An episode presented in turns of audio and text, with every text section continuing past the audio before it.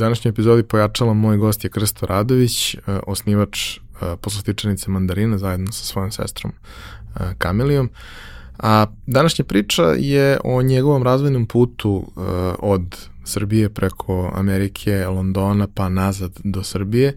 Priča o tome kako je kako se uči i kako se usavršava u jednom fantastičnom, predivnom uh, zanatu koji, ako želite da radite na tom nivou na kome ga on radi, morate da učite dugi niz godina od najboljih ljudi na svetu i da uložite jako puno truda i, i, i energije da biste uopšte došli u priliku da prikupite svo to znanje. Uh, pored toga, njegova dečačka želja je bila da otvori najbolju poslastičanicu u gradu i ja mogu da potvrdim da je uspeo u tome, ali taj ulazak u preduzetništvo nakon karijere po hotelima i e, dobrim poslastičarnicama podrazumeva i izlazak iz zone komfora i eksperimentisanje i učenje u oblastima u kojima možda niko od nas ne želi da se nađe, ali su one neophodne da bi posao zaista mogao da raste i razvija se na onom nivou na kome želimo da bude. Uživajte i kada budete u prilici, probajte nešto iz mandarine. Realizaciju ove epizode podržala je kompanija Epson, koja je vodeći proizvođač projektora i štampača za sve namene, od kućne i kancelarijske upotrebe do profesionalnih uređaja koji se koriste od maloprodaje do industrijske proizvodnje. Već 20 godina u nizu proizvode najbolje projektore na svetu, a prvi štampač napravili su pre više od 50 godina. I dan danas svaki godin ulože preko pola milijarde dolara u istraživanje i razvoj novih proizvoda sa fokusom na održivo poslovanje i očuvanje životne sredine. Upravo zahvaljujući tome, njihovi inkjet uređaj najnovije generacije prave 94% manje zagađenja od konkurencije uz maksimalan kvalitet otiska. I vaš mobilni telefon koji sada nosite i na kome nas možda slušate i gledate, najverovatnije je napravio robot koji je stigao iz Epsonove fabrike. Roboti su super. Japanski roboti pogotovo. Za slučaj da želite da nas podržite vi individualno, uh, možete da posetite link u opisu podcasta na platformi Buy Me a Coffee i tu možete kupiti mesečnu pretplatu ili jednokratno donirati neki jednost koji želite. Hvala vam unapred na tom.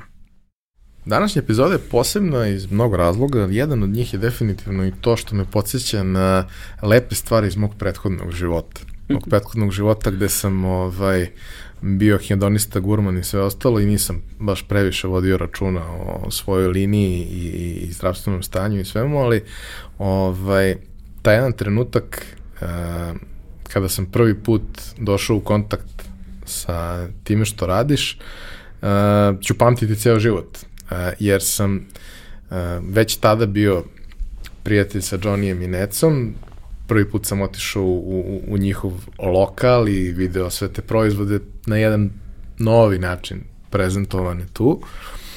I znao sam da je mandarina pored i znao sam i kako izgleda i vidio sam sve slike, ali sam ciljeno izbegavao da odem jer znam sebe.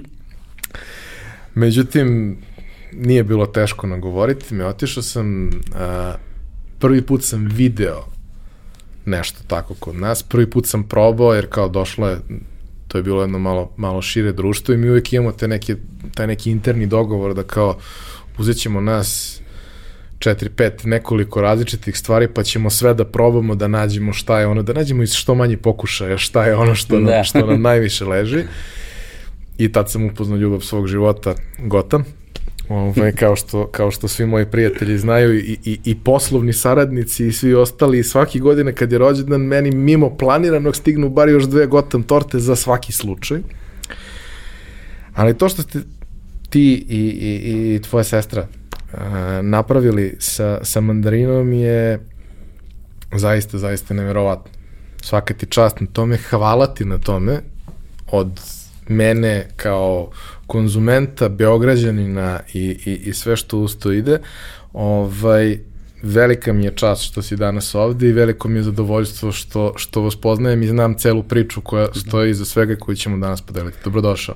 Hvala ti na ovakvom divnom, lepom uvodu i to je razlog zašto ja radim ovaj posao. Nekako sam uvek osjećao da imam taj, tu, taj dar da da osetim šta ljudima prija, šta im slatko prija, da, da ga lepo izbalansiram. Jer svaki taj kolač sam ja napravio iz svoje glave, svaki sam vizualizao, svaki, o svakom sam razmišljao, o svakom mogu da ti ispričam priču. I nekako je ovaj, ja sam isto hedonista i volim da kuvam i da spremam i da razmišljam o tome i nekako svaki je to malo umetničko delo i svaki je ima razlog zašto je tako ispao.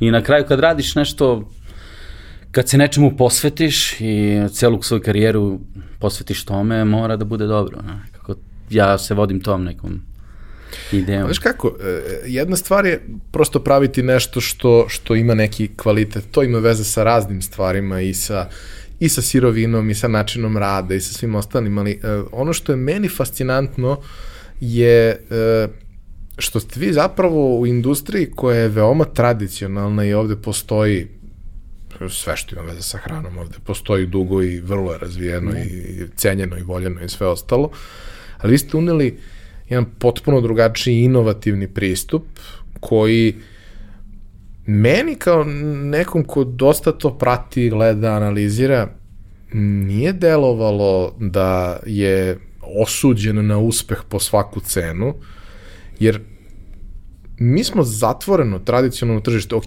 otvarali smo se prethodnih deceniju prema raznim da, stvarima, tačno.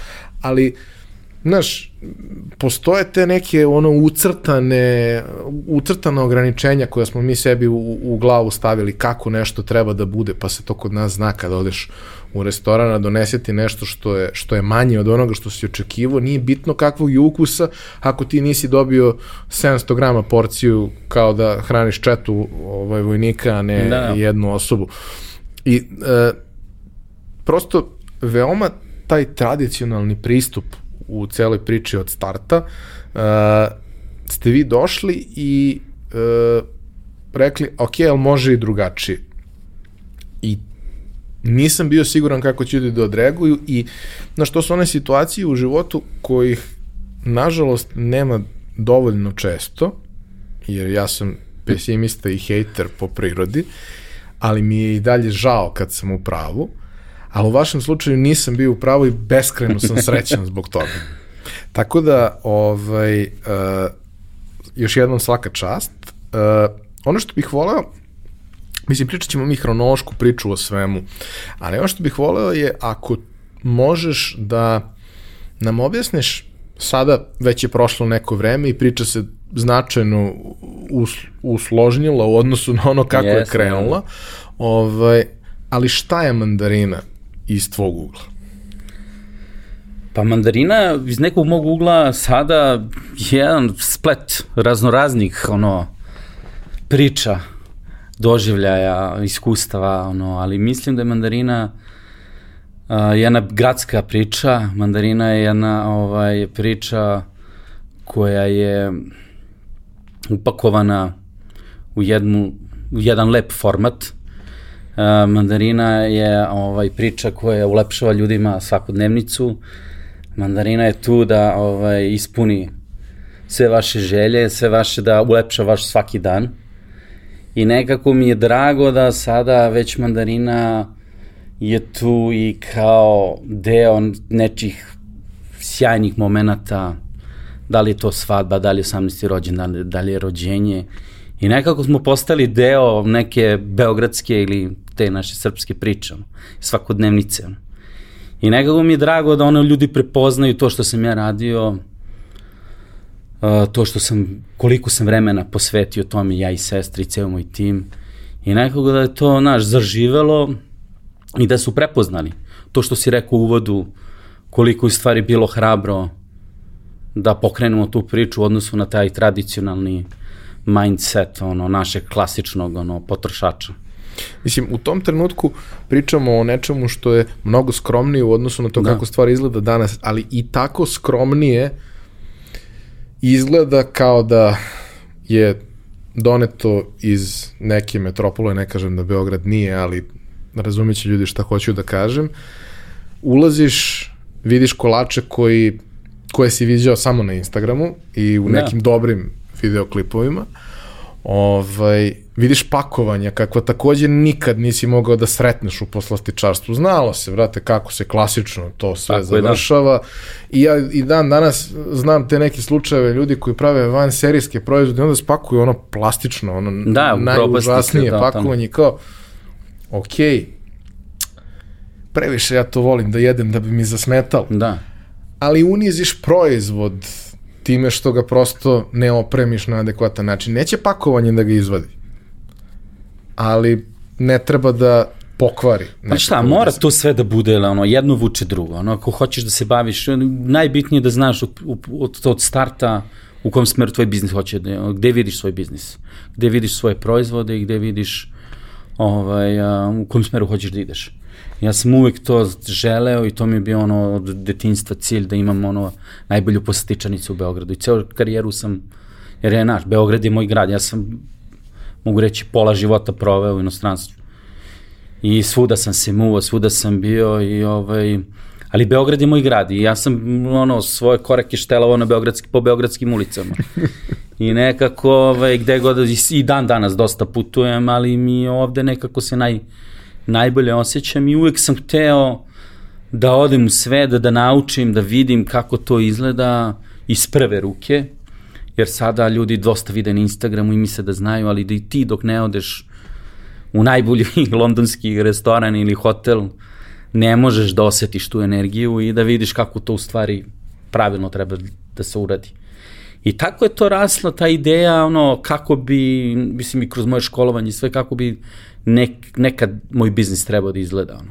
Ali kad si bio mali, ideja je bila da to, da to bude poslastičano. Jeste. Pa mi smo, znaš šta, evo sad to što smo rekli malo hronološki, mi to smo odrasli, priča, da. mi smo odrasli u porodičnom biznisu, ono, mama i tata su imali pekaru i mi smo, ono, tu naštelovani, ono, da radimo, ono, naučeni i vaspitani, da radimo od malih nogu. Ono.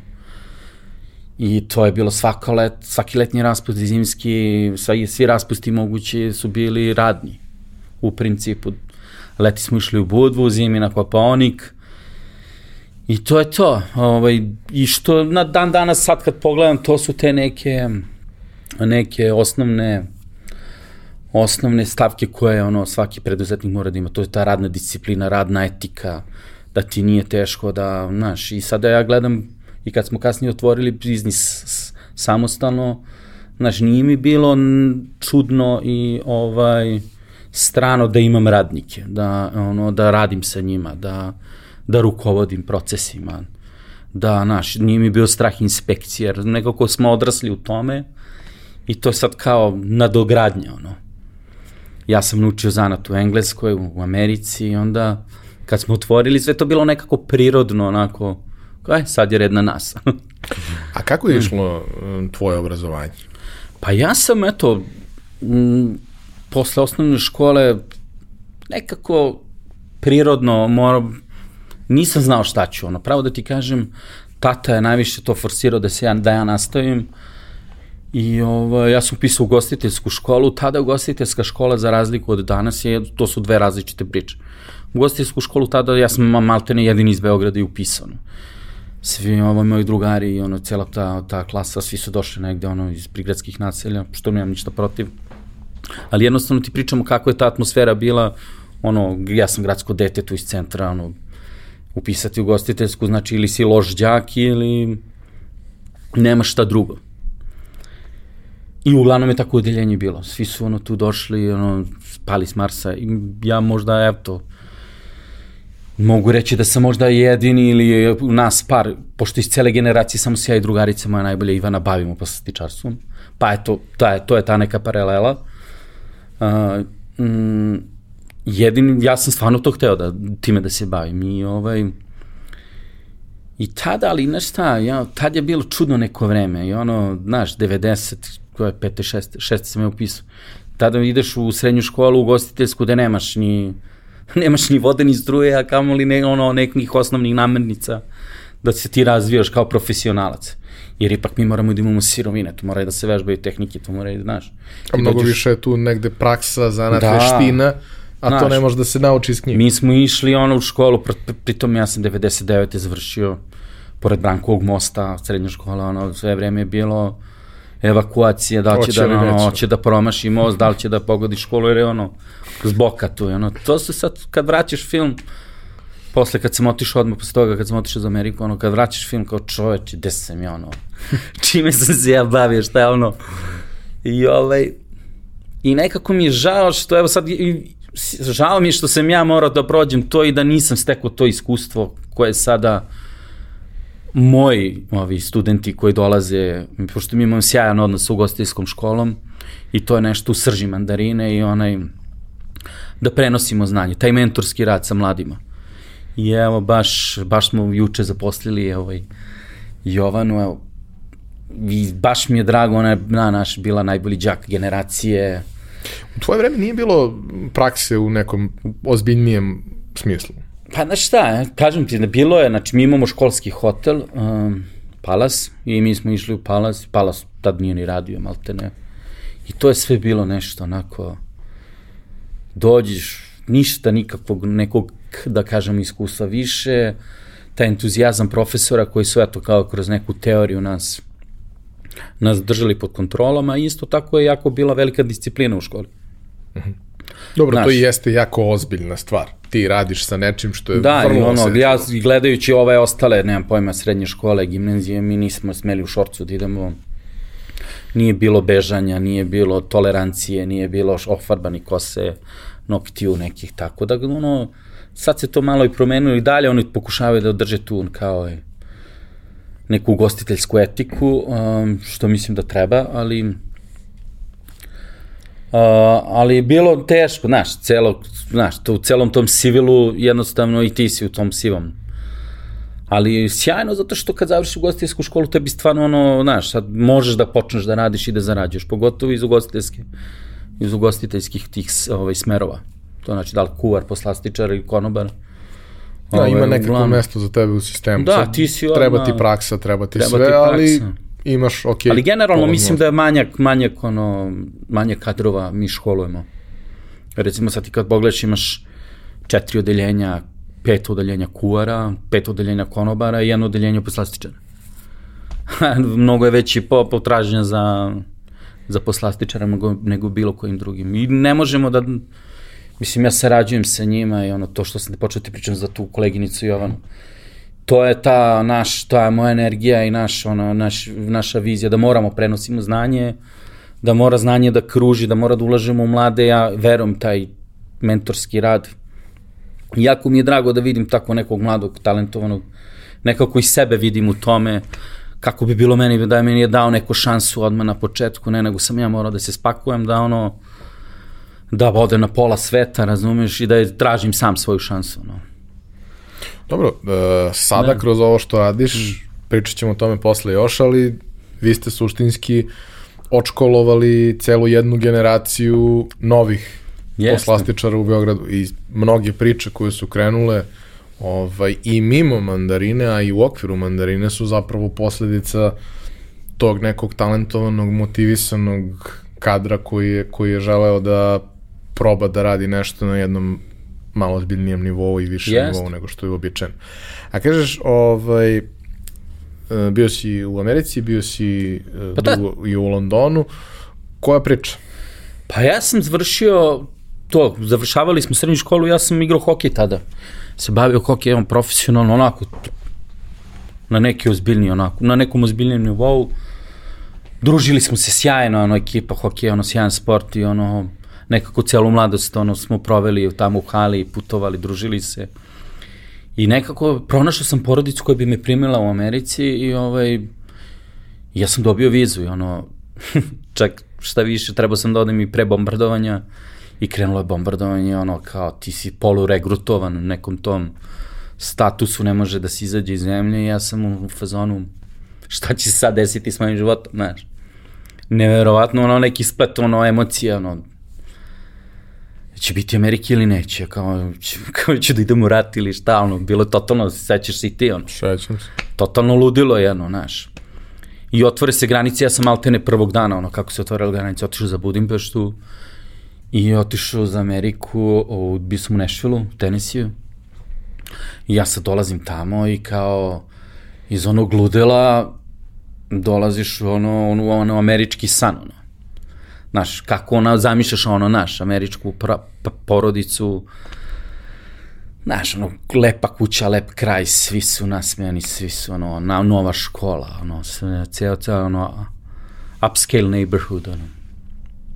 mi sad ono kao čoveče, igrao sam hokej tamo, do, počeo sam da za ovaj školski tim, tad smo osvojili državno prvenstvo, što je u Americi, znaš, ko je bio u Americi, ko to prati, zna se, da za školski tim ko osvoji ono state championship, da je, da je to big deal.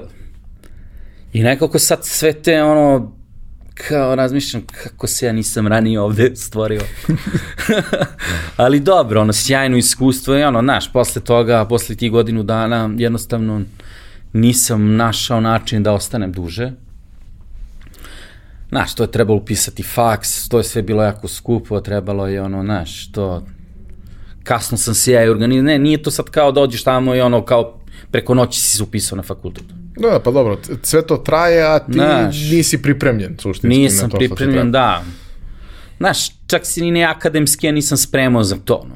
Ne mogu ja sada to da, ono, da negiram. No. Više sam ja tu školu doživljavao tamo koja to neku, ono, kao, igram hokej, ono, popularan si, znaš. Zezaš se, družiš se, uživaš. I što mi sad s ove strane nije, ono, da se se možda akademski više fokusirao, možda ne bi imao taj, ono, taj doživljaj, ono, kakav sam imao. Sjajno, proputovali smo pola Amerike, smo igrali tu regionalnu ligu i non stop smo se negde muvali. I što je ono kao sjajno iskustvo. I na kraju sam se vratio ono za Srbiju i morao sam ono kao šta ću da upišem i to je bilo ono normalno sled okolnosti, ono upisuješ višu hotelijersku smer posle stičarstva gde ovaj, isto tako dolaziš I mi dan danas, evo to, nastavlja se ta priča, imamo sjajan odnos sa višom ugostiteljskom i ovaj, kod nas dolaze na redovne prakse i na mesečne prakse i na tromesečne eh, prakse svi ovaj, onako malo bolji studenti koji se pokažu. I tu se nastavlja naša saradnja sa studentima i naši mentorski rad i obuka i ono da ih stvarno naučimo poslu kako treba. Znaš šta, meni ta, ta viša nije mi sela pravo da ti kažem. Nije nekako... I dalje sam igrao hokej, i dalje je to bilo nešto onako poluprofesionalno, poluozbiljan pristup svih, ono. I studenta i profesora. Svi su tu nešto dolazili, muvali, gurali se, jer je ta škola bila sjajna, sjajna ulaznica da odeš negde. Bilo je mnogo praksi, I mislim i naša profesija, ta ugostiteljska ti daje mogućnost da odeš iz zemlje ono kako sutra. Samo pokažeš te hoćeš da radiš. I da, ima dosta jako impresivnih priča. Da, da, da. Ljudi koji naš, su otišli odavde, u kojima se često i ne zna previše. Na šta, mi imamo stvarno i treba da budemo ponosni. Ono, malo to ljudi, Beograđana, ono, mislim, malo ljudi ovde u Srbiji to zna, da ono, mi imaš, imaš ljude iz ugostiteljstva koji su ono, sjajne karijere napravili i ono, rade na neverovatnim mestima, na neverovatnim pozicijama, pa evo ta ekipa moja iz Londona, to su, to ljudi rade po ono, najboljim ono, hotelima, restoranima, menadžeri su tako u Dubaju, tako i svuda po svetu. I ono, naš, sad malo je to dostupnije, te informacije kroz Instagram i ove sve društvene mreže, pa ono možda uhvatiš, ali jako smo talentovani za gastronomiju. Gde god da se pojavimo, ja znam i u Americi kad sam bio drugi put preko faksa, ono, ljudi su se, ovaj, poslodavci su se grabili za nas, za, ove, za studenti iz Srbije. Zato što smo nekako ovaj, neposredni, ono, vredni smo, snalažljivi, znamo da ono da se snađemo jako brzo, uhvatimo ono u čemu se radi. I ovaj i kad sam ja aplicirao za tu praksu za Ameriku, za Arizonu, ono odmah sam dobio posao. Nije bilo problema. Ono s obzirom na recimo, ove, znam ove neke ljude, kolege koji su dolazili sa nekih drugih fakulteta, nisu baš tako lako prolazili. Jer ipak naš, naša ugostiteljska škola ima sjajnu tradiciju i sjajne profesore jednostavno vreme i okolnosti su nas ono doveli do toga da nismo mogli da iskoristimo potencijal. Ja, u tom trenutku prosto nije bilo uslova, nije, jednostavno, to se srećom to je... menja i, i, i Sad razvije. je već ono druga priča, mogu da kažem. Jer ih ja pratim sad sve. Kako, je, kako ti je bilo kad si, kad si otišao u Arizonu? Bilo mi je sjajno. Znači, ono, meni je, tego da sam bio, bilo mi je sjajno. Zato što nekako ovaj, nije mi, nik, nik, nikad mi nije bio neki strah, nikad, ono, znao sam jezik, znao sam, volim da se družim, volim ljude, volim zezanje, volim ono, volim i da radim. Mogu da kažem da sam vredan vrhoholik, ono, na neku ruku, čak dovodim sebe do nekih ono faza da ono kao čovječ što ja sebi ovo radim, a ne moram. Nisi preduzetnik ako se bar jednom nedeljno ne zapitaš to. Da, ono, evo, juče sam se zapitao, ispričao sam ti tu priču, mogu i kasnije da ispričam. Um, ali, Znaš, u Arizoni smo bili u Grand Canyonu, sjajno, onako kao da si, ja, ovaj, tako imaš sreće, ono, uvek sam radio na dobrim mestima. A mislim da to nije samo pitanje sreće. Je, pa da, i, nije pitanje sreće, pitanje je da imaš viziju šta hoćeš sa svoje karijere. Sve je dostupno, maltene, ja imam tu ono, sve može da se izvede, sve je dostupno, samo pitanje je koliko si spreman da se žrtvuješ i posvetiš tom cilju. Ali ja kad sam otišao u Arizonu, mi smo stvarno radili, na, na radio sam u najboljem hotelu tamo, jedin, jedini five star hotel, pošto to kao a, nacionalni park. Uh mhm. -huh. I nema nekog razvijenog velikog turizma, jer sve to tamo, ono, znaš kako su Amerikanci, ono, ne smeš u nacionalnom parku, ono, da popiješ pivo, ono, moraš da izađeš ispred, ono. ne znam da si znao da to ima, ono, no. jako strict, ono, regulacija tih šta sme, šta ne sme u nacionalnim parkovima. Ja sam radio u tom najboljem hotelu kao poslastičar i ono, radio sam ono, bukvalno ispod glavnog restorana, meni je onaj prozor gledao kao razglednica sa ono, Grand Canyona. I ovako dolazim ujutru na posao, rano ujutru, ono, gledaš izlazak, izlazak sunca, ono. Kao čoveče. To je sjajno kad radiš tako na dobrim mestima, zato što si deo tog nečkog onako finijeg, ono,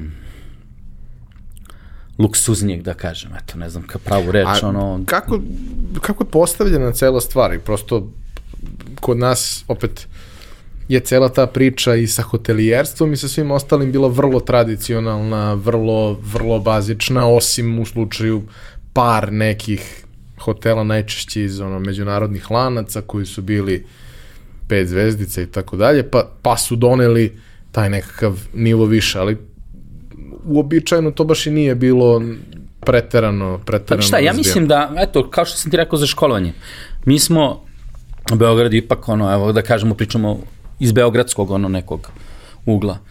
Beograd je uvijek bio metropola i mi smo sjajno imali ugostitelje, ugostiteljske škole i te sve trendove i jednostavno do, došli smo do toga da je des, desilo se šta se desilo, ušli smo u taj neki vakum i jednostavno ono sve tu nešto zastalo. I sad viš kako Beograd doživava tu renesansu i kako se otvara i opet imamo taj bum i vraćamo se mislim na tu neku staru slavu i u svemu, i u hotelijerstvu, i u gastronomiji, i u, u noćnom životu, izlascima, i u kulturi. Ja, ono, pričat ću ti kasnije ono kako, kako mi, ono, gde, šta radim, puno se krećem po regionu. Uh, ponosan sam što Beograd tako izgleda, stvarno, i mislim da ono, doživljavamo tu renesansu na nekom I tako i hotelijerstvo, tako i ovaj, hotelijerstvo. Mislim da, znaš, počeli smo da se vraćamo na tu staru slavu.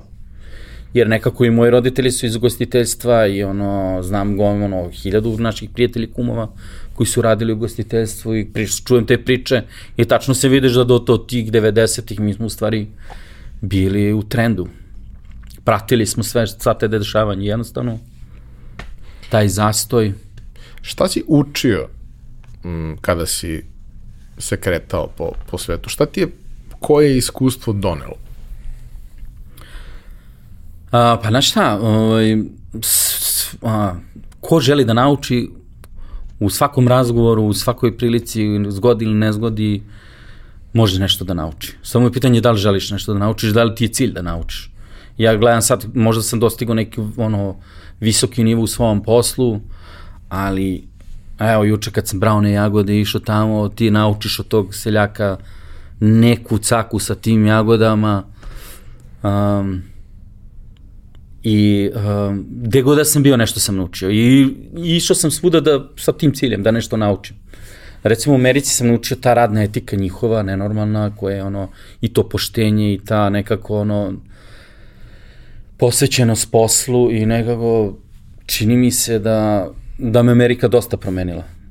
Mnogo sam je više vremena posle proveo u Londonu, ali nekako Amerika me onako usmerila na tome da ono nema easy life, ono, svi su tamo posvećeni, svi rade, I ta neka toplina u odnosu da ono u ta u međusobnom odnosu. Je nekako kad smo otišli to ono prvi put posle ono prvi, prvi put kad sam otišao u Ameriku, nekako ono svi su me onako raširenih ruku ono primili. I to mi nekako i to dan danas ja ono sebi uvek ono uvek moraš da kreneš friendly, otvoreno sa nekim dobrim namerama i dan danas te toga se držim. A dok recimo kasnije kad sam otišao za englesku, to je sad već ono, to je već neka druga priča gde ono, znaš, ulaziš u ovo ono ozbiljan profesionalni svet, u ozbiljnu profesionalnu ono, zalogaj i tu meni učilo da u stvari ono, nema granica, ono. Stvarno, ono, koliko se pružiš, koliko se, ono, potrudiš, sve, sve može da se dostigne. Kako se desio London? Šta je bila priča sa Londonom? Pa to London se desio slučajno, verovalo ne, ono, totalno neplanirano. Ja sam trebao da se vratim u Grand Canyon. Jer sam ja bio u Grand Canyonu, vratio se, završio faks i na krajnjem, ono, ovaj, pisao sam diplomski i mi smo imali ja se prijavio ponovo, javio, kontaktirao se me šef, taj iz Grand Canyona, čekao sam vizu, platio sam čak vizu, I to je, znaš, taj proces od jedno 5, 6, 7 meseci, taj u kome mene kontaktira profesor sa faksa, kao ima neki konkurs za Claridge's, kao ajde javi se, jer su mi koji smo bili po tim uh, inostranstvima, uvek nekako je nas prvo kontaktirao. I ja odlazim na konkurs i na, u Hajetu, pa jedno nas jedno 200 je bila, puna ona velika sala. I oni su tu radili kao neku prezentaciju hotela, više školskog tipa, ono, čime se bavi to i onda je bilo kao par pozicija, sutradan je ovaj, probrano je tu jedno sto kandidata i ovaj, on je ceo dan radio te intervjue. I tad sam ja shvatio to šta sam naučio u Americi, ono da ti znaš, sve se to kasnije ono ispostavilo i dobro je to pitanje bilo. Uh, ljudi nisu, svi ti kandidati nisu cenili, nisu znali gde oni, na koje razgovor idu. I nisu imali želju da odu tamo nešto da nauče, nego im je bilo prevashodno, e, idem da pobegnem. A onda su dolazili, ono, naš, obučeni kao naš trenerka dole, ono, naš, kad ideš na razgovor za ozbiljan posao, moraš ozbiljno da se obučeš, možeš da se pripremiš, možeš da radiš neki da research, da uradiš da. domaći, da se obriješ, da se odeš kod frizera, da onaš, da se na ono, da se dovedeš na taj nivo da on kao vidi čoveče, I ja sam i ono došao tamo kao da sam krenuo na svadbu, skockan, sve, ono, matursko delo, znaš. I znao sam i engleski, ono, naš, mislim da sam i vaspitan da imam to, ono, i prevashodno sam znao Jedino što me zanimalo da odem tamo da budem poslastičar. Jer kad sam ja krenuo da pričam sa njim, ja sam već znao da će on mene da primi. Nekako sam osetio da, da, ovaj, da sam uradio domaći. I došlo je do toga, prošlo je par dana, mene profesor zove kao oni su zainteresovani i nude mi ugovor na pet godina, što nikad nikom nisu dali. Svi su dobili uglavnom ugovore na godinu dana, pa onda tamo produžuju. I ja i Sneža, moja drugarica, kasnije smo bili cimeri, sad smo super drugari, smo dobili jedini, ona je ono, i ljudski laf, ono, znači, ono, tačno ta neka energija, sličnu energiju imamo. I, ovaj, i, znaš, sad sam ja znao ako odem za englesku na pet godina, da ja možda mogu i da dobijem i njihove papire. I onda znao sam da me čeka taj ugovor u Americi i znao sam kako je ono, fin život tamo. I onda je to bila ono odluka, ono, koju sam presekao u Budimpešti, tačno znam i gde i pod kojim okolnostima i ko je bio tu. I ja, i sa Voxom sam ovaj, drugom mojim bio, ja sam se bavio, ono, ne znam da znaš, onaj footbag smo igrali. Dobro. Heki seki. Mi smo napravili naš prvi srpski klub. I onda smo se tako zezali kuklinci, ono, putovali, išli na te turnire.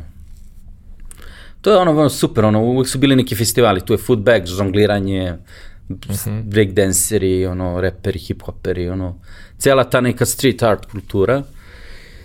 Mi smo išli na neki taj turnir u Budimpešti i malo popili, ono, sedimo ujutru negde i zove mene profesor, kao moraš da presečeš sada jer moram da javim. I ja kao bokse idem za englesku i to je to. I odatle, ono, maltene mesec dana posle toga ja sam već bio bio ono, ovaj, u kombiju. A nevjerojatno priča, evo, mislim, sad se to, kako se to ono namesti, ono, ja u povratku iz, ovaj, iz Budimpešte sedim sa devojkom nekom tu, sa, sad je, znam, drugari smo, Vanjom, i krećemo da pričamo, i ona se vraćala sa intervjua, bila u Londonu, za taj hotel isto. Tako da, ono, neko, kako, tako, ono, život je pun tako nekih, ono, zanimljivih priča. I eto, došlo je do toga da, eto, krećem za London, sjajan hotel, on, Claridge's je, ono, hotelijerska institucija, ono, svetska, ono.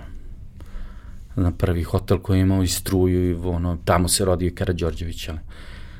I Churchill je pored posle rata žive i cela ta, ono, cela kultura, ono, on je art deco ikona. Mm I... A generalno, ceo taj vibe kad dođeš u London i kad se šetaš onim centralnim delom Londona, da. ja sam to opisao, mislim da sam u nekoj od prethodnih epizoda to pomenuo, ali kao kad sam došao, kad bio sam na olimpijskim igrama i, i ovaj, to smo šetali po gradu i kao, kakav je osjećaj, sad stižu poruke od prijatelja, kao kakav je osjećaj, kako da. je to Rekao, brate, osjećaj je kao da svaka osoba koja me pogleda mi kaže mi smo imperija. Da, da, da, jeste.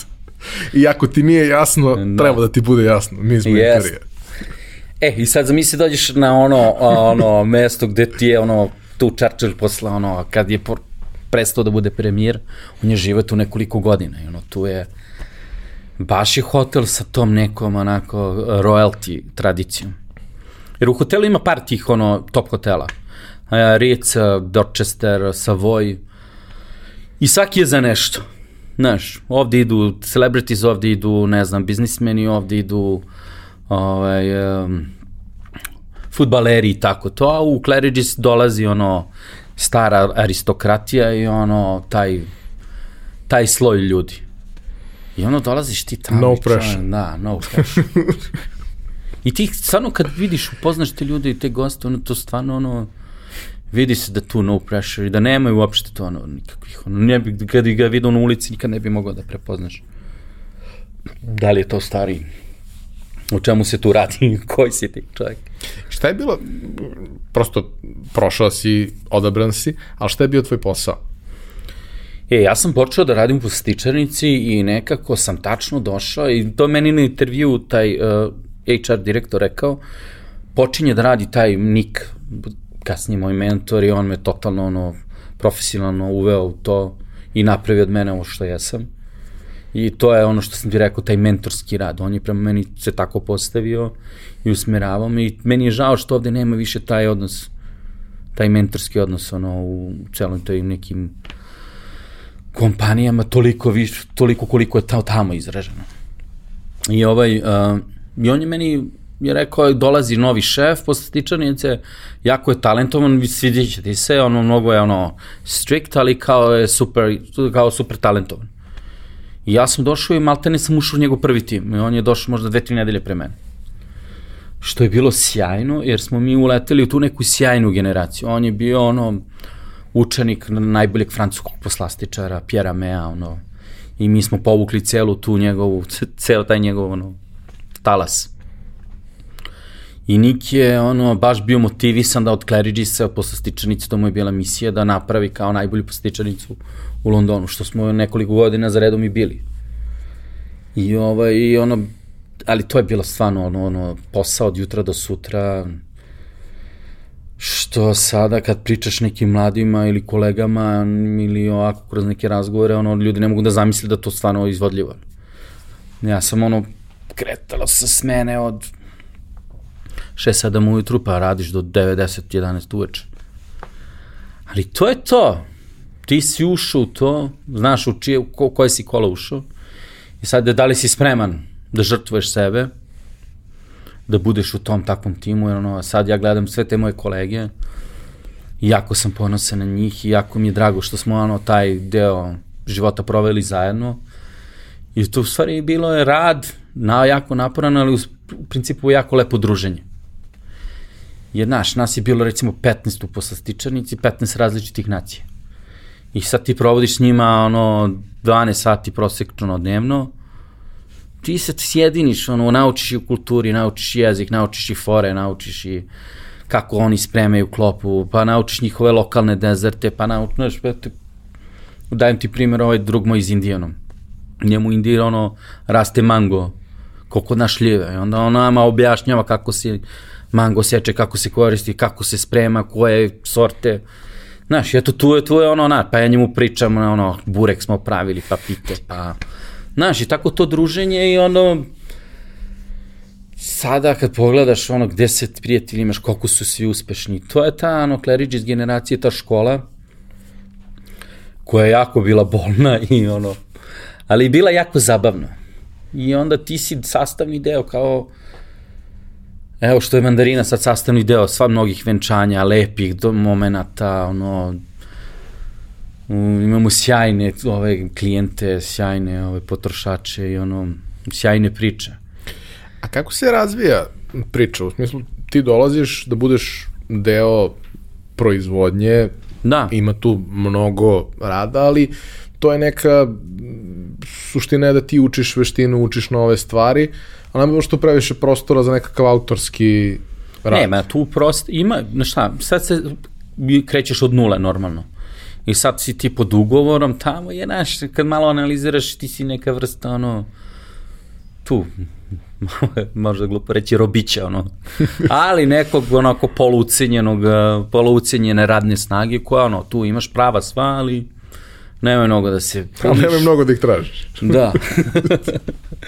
ali znaš šta, meni stvarno, ja se nikad tako nisam osjećao. Znaš, jer nekako ja sam volao da radim, volao sam da se družim, volao sam da ono, da na, nikad mi ništa nije bilo teško i ono, u principu kako se ti postaviš, tako to oni i tretiraju.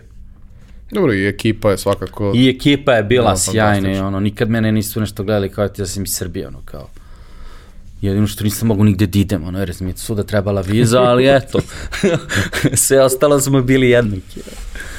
I ovaj, I ja sam krenuo, sad, ja to sad kad prepričamo i mlađim kolegama kakav je taj put po tim jaku, po tim ono, institucijama, što mogu da kažem da Klerići jeste, ti stvari krećeš iz sekcija gde moraš da se dokažeš da li si spreman za nešto više. To je bilo kod nas u ono voće. Ti sada imaš sekciju voće gde ti ceo dan radiš ono pripremaš te voćne tanjire, voćne salate, voćne one raznorazne, ono, pošto tu ima sad gomila nekih ono eventa, ono, svadbe, onaj, Rođendani prijemi. Rođendani prijemi, ono, ima hiljadu soba, svako ima neki prohtev. I sad on tebi donese kamion, istovari ti tamo i ti sad bučiš ceo kamion, raspoređuješ to voće ono 2-3 sata ujutru, pa onda krećeš da spremaš te poručbine. I to je u principu ono je kao ti si došao u, u Claridge's da radiš, a vidiš oni tamo rade na ono najsavremenije kolače, najnovije tehnike, ono, svi su super talentovani, a ti si tu gurnut kao ono, radiš, ono, čistiš mango, papaje, te jabuke, seckaš tu. I to radiš mesecima. Ali tu te oni stvari, sad kad ja gledam, testiraju da li si spreman za, za nešto veće. I onda sam ja to skapirao vrlo brzo. I dosta su mi tu podržavali ovi i ove ostale kolege, jer sam uvijek bio spreman da, ovaj, da on, uletim, da pomognem, znaš, nisam gledao na, na sat, ono, koliko je vreme, znaš, kad završiš, nego ostaneš da pomogneš i tu, u stvari, sebi krčiš put. I nekako, znaš, skapirao sam, to je to, moram tu da, ono, da se ubrzam, da se iscimam, da, ono, dođem ranije, otišao sam, kupio najbolje noževe, kupio najbolji piler, naoštrio ih, i krenuo, razumeš, da ono, dižem tu sekciju ono, i postavljam nove standarde. I ovaj, brzo me tu šef primetio i odmah me već prebacio na, na neke ozbiljnije sekcije. To sad ja gledam kroz mandarinu, tako ja nekako organizujem. U stvari, svi veći sistemi su po tom principu organizovani. Imaš sekcije, svako radi nešto svoje.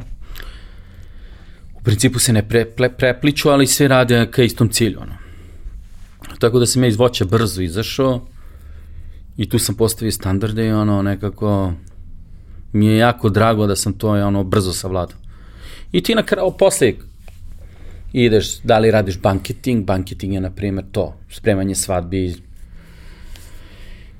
I to je ono bilo jako interesantno. Tu, tu radiš recimo drugu smenu, što je bila jako velika promena. Za mene sam radio godinu dana malte ne prvu. I ti dolaziš u drugu i sad si deo tu svih tih ono dešavanja gde si maltene tu odmah iza svadbe, tu si gurneš, promuvaš se, pomogneš konobarima, uđeš u salu, vidiš šta se dešava, osetiš atmosferu. I ovo jako interesantno, ono, znaš, svega smo se nagledali, ono. Mnogo lepog druženja, znaš, tu, znaš, tu je sad 50-60 konobara iz celog sveta. Tu je 23 kuvara, tu je nas 10 poslastičara, tu je ono, svi smo tu bili sličnih godina i ono, radimo, ono, uvek se tu ostajalo posle, pa, znaš, i to što si ti rekao za klopu, ono, uvek je bila, znaš, najbolja klopa na svetu oko tebe svaki dan, svakom trenutku. I sjajno je ono, stvarno, sad kad me evo iš malo se vratio, ono, dugo nisam ni mislio o tome. To je mnogo, ono, na, na, najbolje je bilo to druženje, ono, posle. Kako ide, da kažemo, razvojni put? Kre, krećeš od toga da, da radiš neke relativno bazične stvari, da. pa se to lagano level upuje. Da Tačno kažemo, tako. Vremenom. Da, I kako to teče, do čega dođeš? Pa šta, ti sad kreneš i sad u svaka sekcija ima svog šefa, znači imaš kao vojsci rangove, znači imaš pomoćnik, pomoćnik šefa sekcije, šef sekcije, šef smene, pomoćnik glavnog šefa, glavni šef. Tako ne. I svako se ima nešto svoje da radi. I sada ja sam krenuo do najniže pozicije i lagano. Ovaj, I sad kad kreneš da preuzmeš bankiting, ti si u timu od četvoro i imaš ti tu pripremaš, ne znam, pripremaš sve što treba za to, pošto su tu dezerti jako kompleksni bili. Nije ono bio komad, ono, to ti je bio dezert kao da si u najboljem restoranu na svetu, ali puta 200, puta 300, ono. I sad ono to, cela ta tehnologija, ta logistika kako se to postavlja jako interesantna i tu možda si brz, precisan.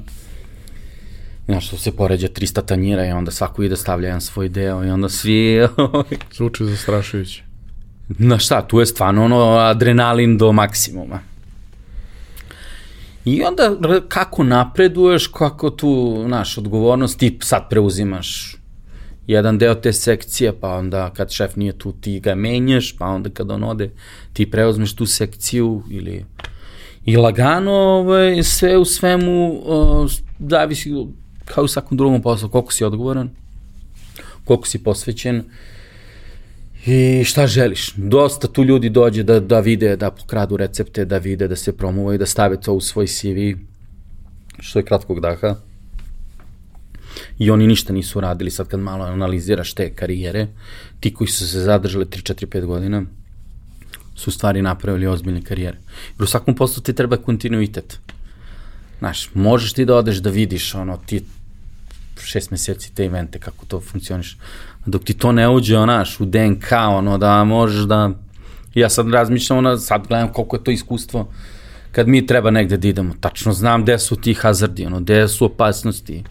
Baš to hoću da, da te pitam. Koliko zapravo u tom celom procesu učenja ti dobiješ priliku, uh, odnosno koliko učiš samostalno, koliko dobijaš mentorsku podršku u tim stvarima koje uh, na prvu loptu izlazi iz okvira onoga što je osnovna profesija. Znači, ne. spremanje kolača je jedna stvar, organizovanje rada poslastičarnice je neuporedivo kompleksnija stvar, gde ima mnogo i people skillsa, i managementa, ne. i planiranja, i gomila nekih dodatnih stvari o kojima se često ovde ne vodi dovoljno računa, a da bi biznis mogao da bude ne. uspešan, potrebno je to sve. Šta je, to se recimo sad naslanja ono u priču o tom razvoju ono, po sekcijama i ono sad mi neki put i bude i žao, ono, jer a, to što sam rekao, sad sam ja posle tog banketinga prešao na taj, a, a, u restoran. Sve, sve to isto kao po sličanici, ali menjaš sekciju i ta restoranska sekcija je stvari najkreativnija. Ti tu sad kreiraš dezerte koje ti smisliš i treba četiri dezerta svake nedelje da smisliš totalno drugačija, plus ovih 6-7 što ima redovni, koji ti, i to je samo tvoja sekcija. I onda sada ti tu izlaziš iz onog ludila, ono, trčanja gore po tim banketima u nešto što je sas skroz kreativno. I sada tu ti se razvijaš kao neki kreativac koji mora da bude i dosta i operativan.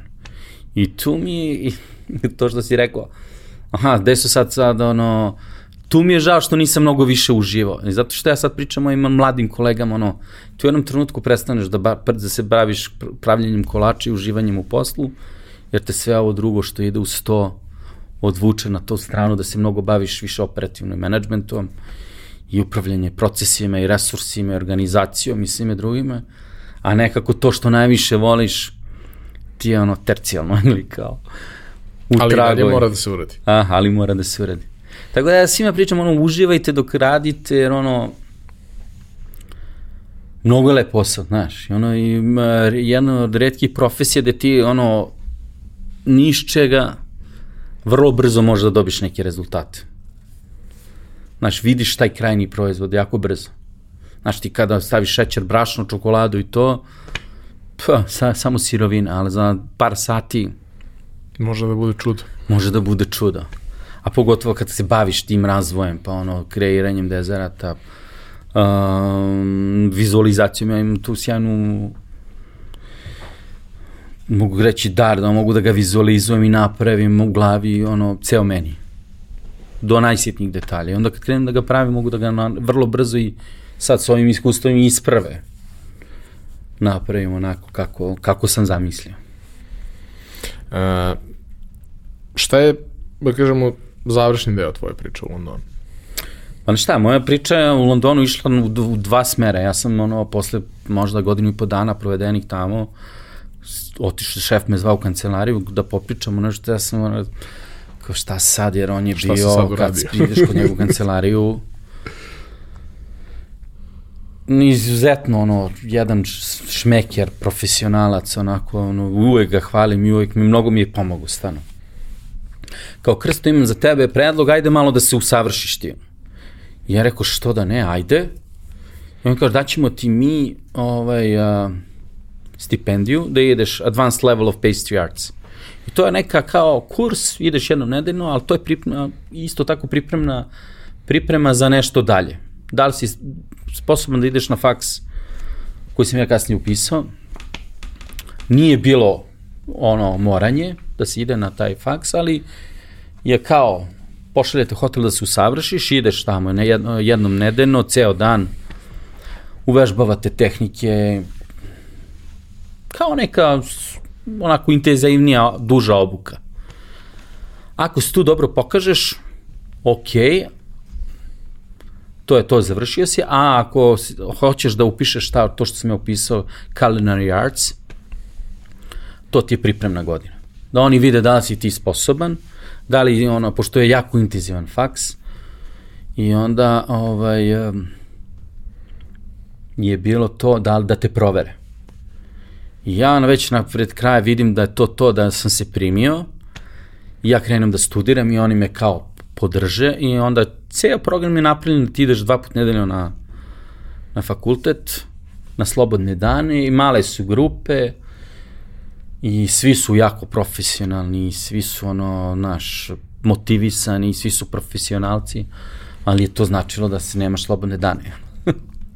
Tako četiri godine. ali ja ono, ne želim nijednog trenutka. To je jednom ono, uđeš, kao i u svemu, moraš da uđeš u formu. Sad kad nekom priča četiri godine radi bez dana slobodnog, ono, zvuči... Dobro, ali to ti je život. To je život, ali to ja svima pričam. To su prilike, ono, ta zlatna kočija pored svakog prođe. Da si spreman da skočiš i da se posvetiš, da visiš na njoj, pa da se popneš, i da ono iskoristiš to maksimalno. Ja sam to razmišljao, ono čoveče, pa imam tu šansu, kad će to da mi se pruži ponovo? I stvarno ta ekipa sa faksa i ono, to je sad već ono taj da ono, to što ono, moj život u Londonu možda bio drugačiji od ovih mojih ostalih prijatelja i kolega, zato što sam ja studirao i kad se baviš malo akademski, ono, malo ti se promeni društvo, navike, obaveze, ono, fokus, Znaš, prvi faks mi je bio na sjajnom, ono, um, sjajnom delu Londona. Znaš, cijela ta, ono, cijel taj trip, ono, ja sam volio, pa što se mislim, ti kada odeš u London, osim, osim toga što vidiš da su imperiji. Da. Imaš osjećaj da si u centru sveta. Nema mnogo Da. mesta na, na, na, na zemljine kuge gde imaš takav osjećaj. Ima nekoliko mesta, ali kao kad staneš tu, kao čini ti se nekako da se sve vrti oko te jedne tačke. A šta, i lepo je bilo, znaš, i ono, ti kad, ono, meni to stvarno bilo, ono, znaš, ti odeš ti vidiš te kuhinje, ono, sve novo, sve moderno, imaš profesore koji te cene, ceo taj, pre, pre, ono, uopšte mi nije bilo ono kao kod nas, ono, mislim, ne mogu ja da kažem da ono, naš obrazovni sistem loš ili naš, jednostavno je drugačiji. U, u Engleskoj je bilo, pogotovo što je naša grupa bila mala i ono, odabrana je, probrana. Um, to što si morao da radiš i to svi smo mi imali stipendije i ono, svi su radili i svi su baš bili ono motivisani za to. No lepo je bilo, znaš, lep je faks. Osjećaš da ima neku svrhu to što radiš. Znaš, da Znaš, nije ti se- samo ispunjavanje I svi forme. smo bili, nego- znaš šta je bilo jako interesantno, svi smo bili stari, ja sam možda to bilo, imao već 25-6 godina, razumeš, kad sam to sve počeo. 24-5 godina. I onda si ti malo već si prošao tu onu fazu, ono kad kreneš da studiraš sa 19, na primjer. Kad si i dalje, mislim, klinac i dalje ne, ja sam ovo tačno znao, to je to. Kad sam ja otišao tamo i vidio sam u stvari da je to znanje koje je meni falilo, eto ga tu na tanjiru, I sad nije više taj odnos da se ti nešto ono plašiš profesora, nego si sa njim ono malte ne ono ideš na pivo i, pop, i družiš se i ono hoće da te nauči i hoće da te podrži i nije ono da Da ti... hoće da te nauči sve što zna, a zna sve.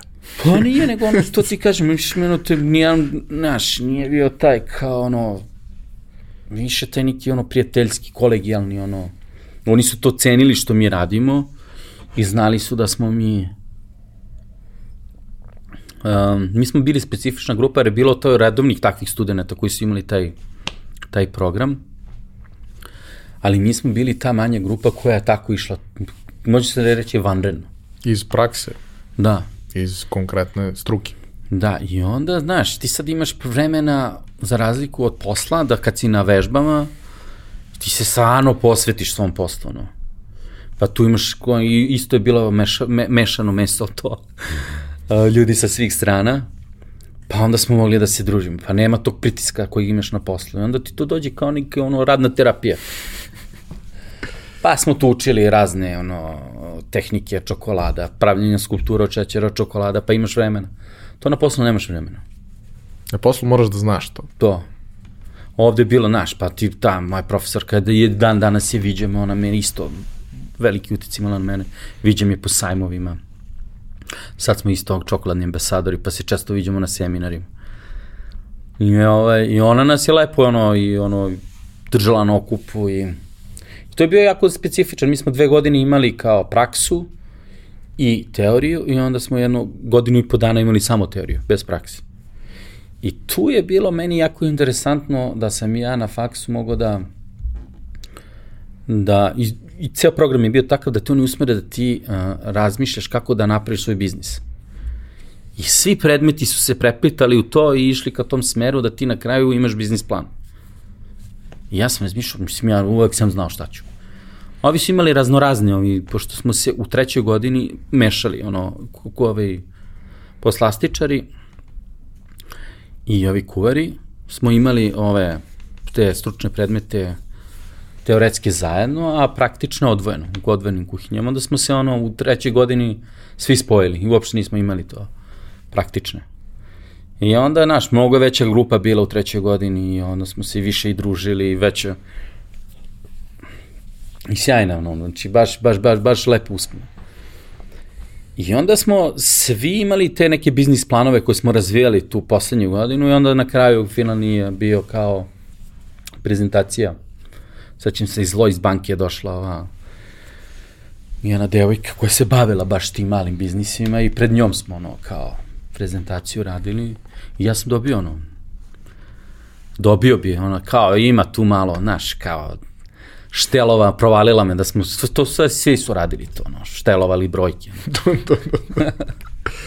Jer znaš šta ti moraš da uradiš ono prediction ono kao kosta ono naš i ti sada kao pred, predvidiš prodaju troškove ono ti tu ne možeš baš da se O, živa je stvar, moraš da vidiš kako da u praksi, ali znaš, da našteluješ, isp- da. ali ovaj, ali sjajna ideja i verovala je. To je nebitnije da li ona veruje tebi da ti može to da izguraš. I ja sam malo te ne izgurao, ne, e, pravio priču kako sam ja, na, kako smo mandarinu napravili. I kako je tekao ostatak puta koji te je doveo do mandarina?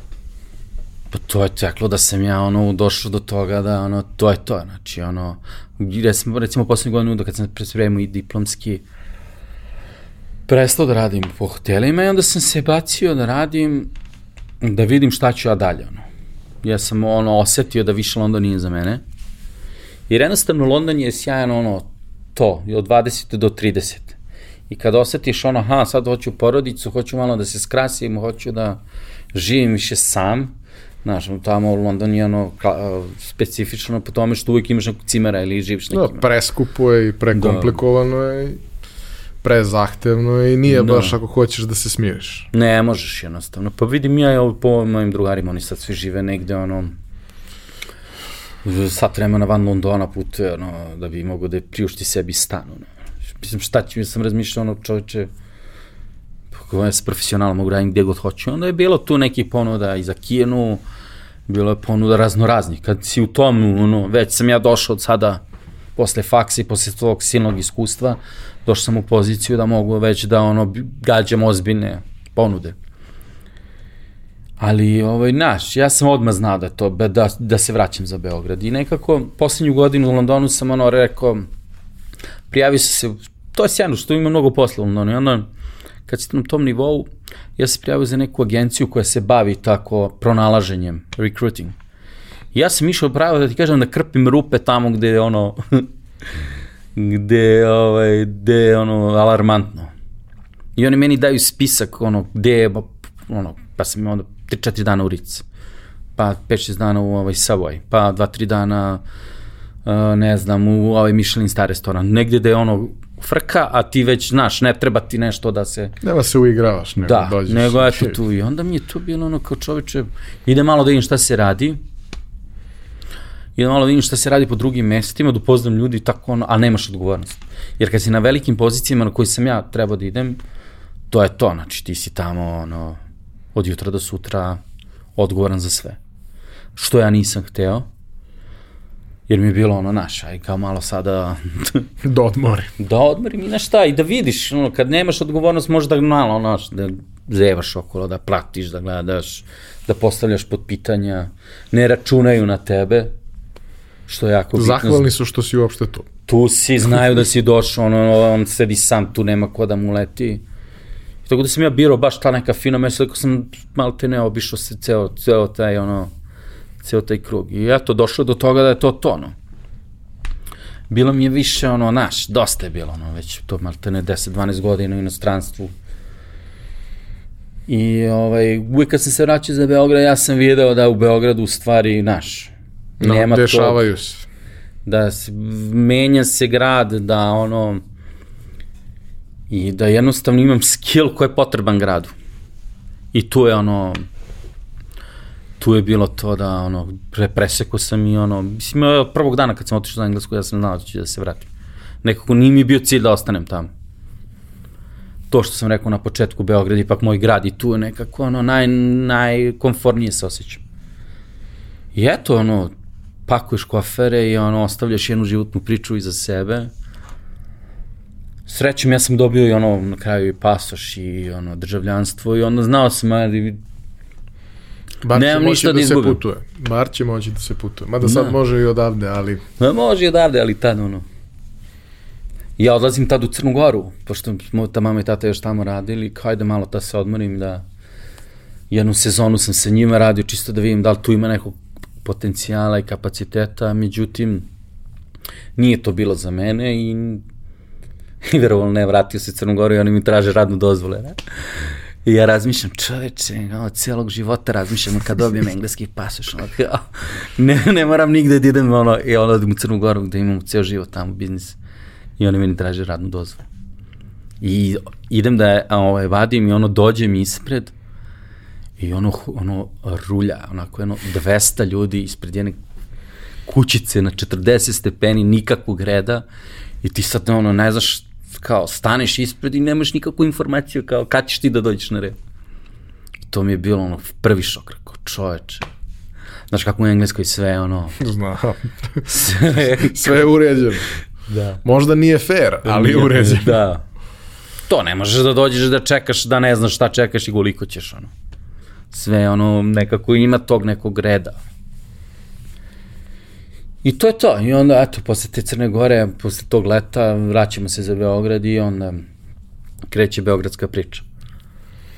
Šta ti je bila ideja u startu? Nisi odmah hteo da kreneš svoju priču? Nisam, znaš šta, nisam ja dugo bio i onda malo si ti promeniš i ono, znaš, ipak deset godina ga nisi u gradu, ono, ne, znaš samo ljude iz osnovne škole, ono, i sa hokeja, ono, znaš, godinama nisi upoznao nikog novog, ono, totalno se promenio grad, ljudi odrasli, raselili se, onda malo mi je to bilo, rekao, ajde vidim šta se radi, šta se dešava, i ovaj, počeo sam da radim u Square Nine, u Square Nine-u, moj drug iz Londona je povukao ekipu iz Londona i ja sam stvarno imao ono, jedan lep period tamo, super smo se, ono, znaš, skapirali, napravili lepu priču, uh,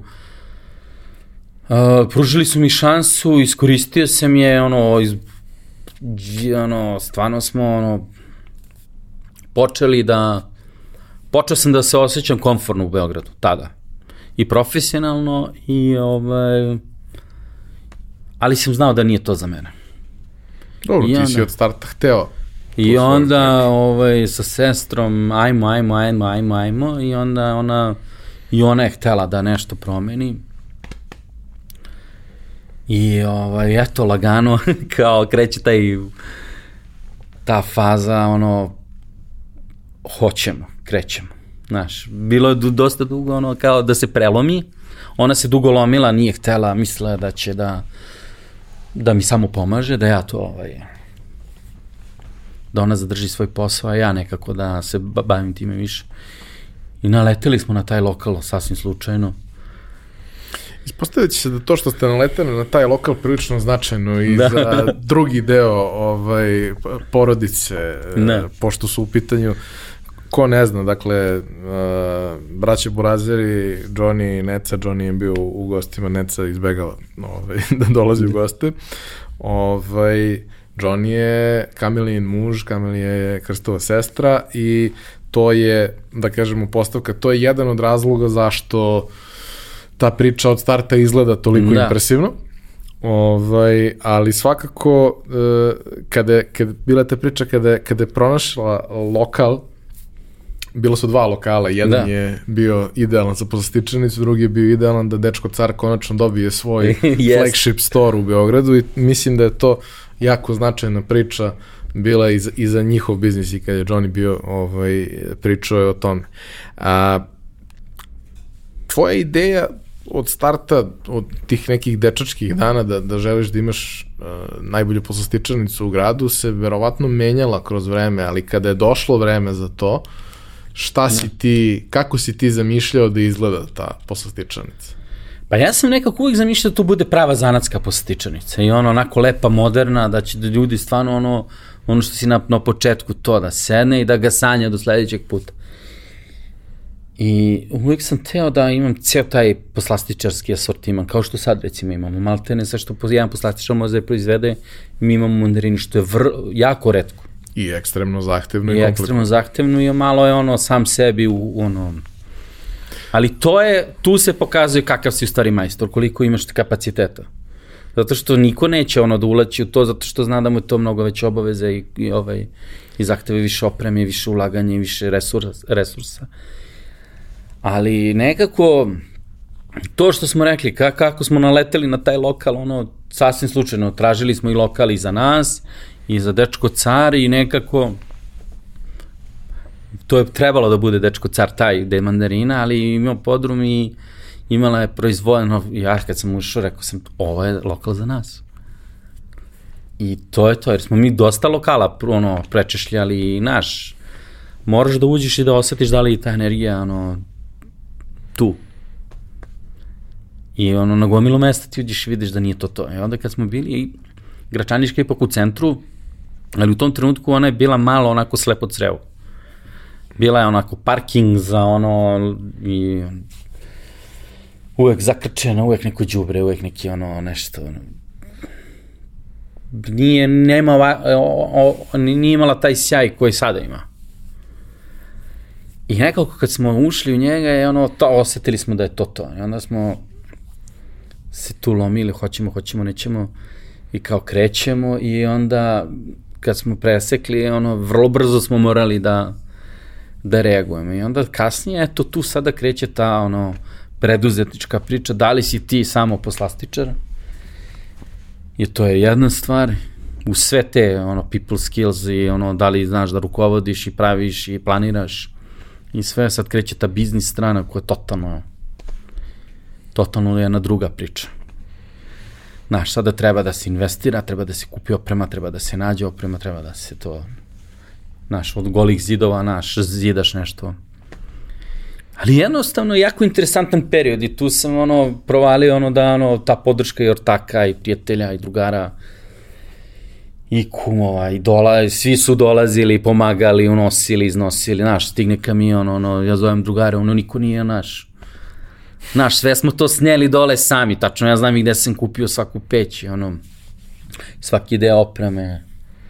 I nekako se to gradilo korak po korak. I mi smo jako brzo otvorili i sreće me to i ovaj, Rocky Neca su nam stvarno puno pomogli oko, oko tih naš brendiranja, oko vizualnog izgleda, neke te marketinške strategije, kamelija iz marketinga, tako da nekako su ono, sve se namestilo. Svi smo sazreli da ono, I nekako mi se čini da su svi ti ljudi koji su tu bili, a ne pričamo sad o ne znam kakvim celebritima da. sa ogromnim, ogromnom publikom i tako dalje, ali da svi ti ljudi koji su bili, kojih je bilo dosta, koji su svako na svoj način imali neki krug ljudi kojima su važni značajni i tako dalje, da su se svi udružili da podrže nešto u što veruju zato pa što pa veruju u vas. Jeste i stvarno sam svima zahvalan i ono, svi oni znaju da kakva je ta priča i kako je to ono iz nekog entuzijazma i ljubavi prema poslu krenula i ovaj, svako je tu ono deo ove uspešne priče i ima ono i uvek, uvek sam im i zahvalan i znaš šta, i nastavljamo dan danas da sarađujemo, što je jako bitno. Sa svima tima s kojima smo počeli, imamo sjajan odnos. Ajde da ne pričamo za dečko car, što, ovaj, eto, tu porodično smo vezani, ali gomela tu nekih saradnika. Evo, te drugari, što ti kažem, ono, dan danas oni dođu kod mene, pa sedemo u proizvodnju. Pa sad nije više 12 kvadrata, sad je mnogo veće, ono. I, ovaj, znaš, i onda kad se malo setiš, ono, kako je to krenulo, kad si sam unosio i sam teglio. Počela je priča od od, da kažemo, vaše porodične inicijative, ali tvog know-howa za, za da. celu stvar. I to je moglo tako da opstane jedan kraći vremenski period dok nije krenulo da raste i dok nije krenulo da raste interesovanje. A desilo se to vrlo, vrlo brzo. Pa šta, mislim da bio ono, od početka smo mi bili drugačiji. Prvo što, ja mislim, dosta poslastičarnica ne drže poslastičari, ono, nego to su ne, ono, biznis. Kao zanimljiv biznis, pa eto, kao investirat ću to, sladak je, može lepo da izgleda, da iskopiraju neki ono, neki brand svetski, pa ono kao otvore nešto, da imaju čime da se bave. I mislim da smo mi bili možda prvi pioniri u tome da ono, ja kreiram dezerte, ja sam napravio, ja sam smislio, ja sam ih ono, sa timom normalno, koji su tu bili uz mene. Nekako autorski skroz. I taj vizualni izgled i ono, taj izgled kutije i ono, o, kvalitet pakovanja i ono sve to bilo upakovano u jedan sjajan proizvod, ali na kraju ipak kad ti sedneš i probaš taj kolač, to je ono, i drugi su pokušavali da ga, ovaj, da upakuju isto tako lepo, ali možda ne toliko uspešno, ali zato što jednostavno proizvod kojim trebaš da se baviš ti nije dovoljno kvalitetan i nisi se dovoljno potrudio da ga napraviš kako treba.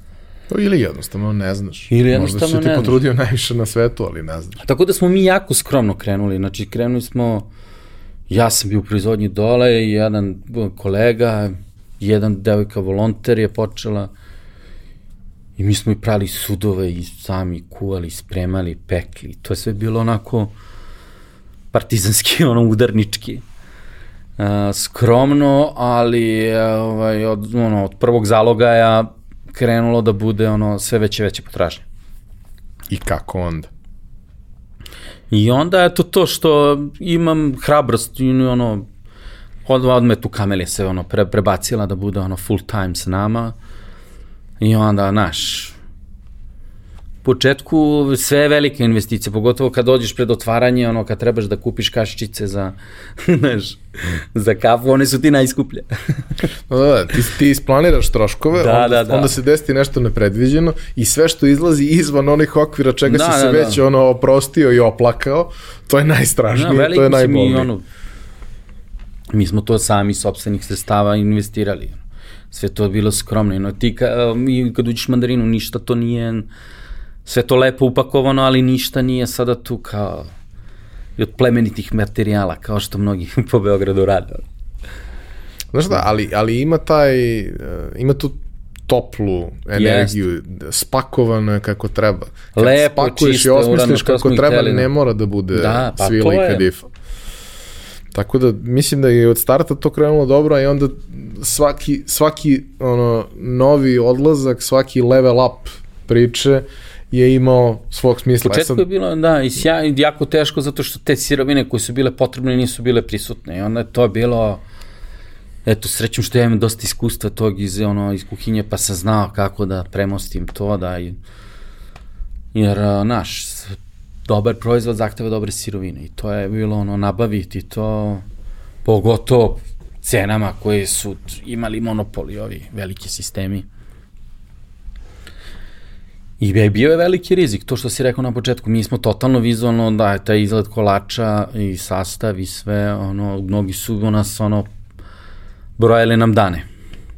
I to su nam i par ljudi reklo, ono, kao, ovo, ovo nema.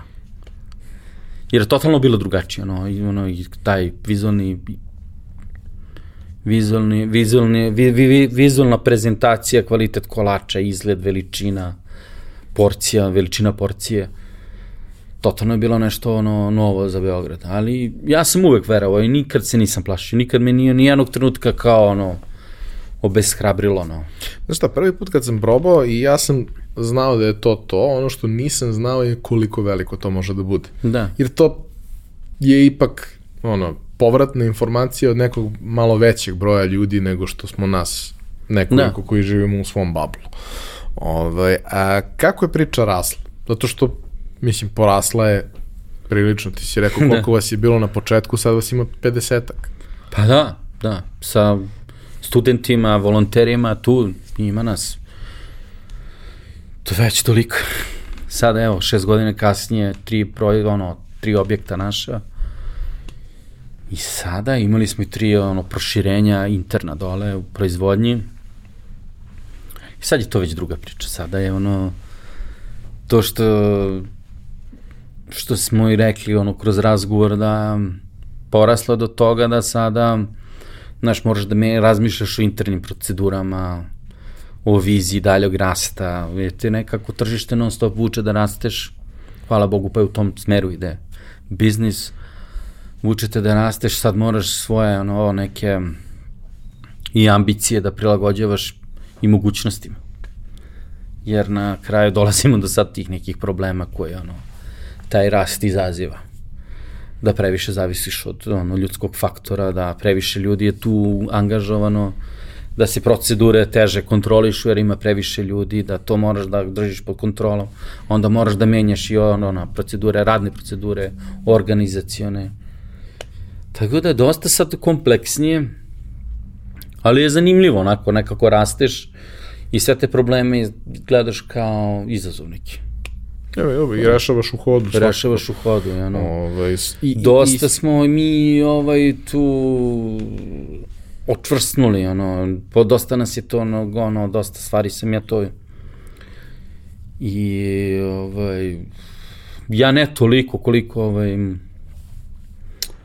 koliko možda kameli, ono, koja nije iz ugostiteljske priče.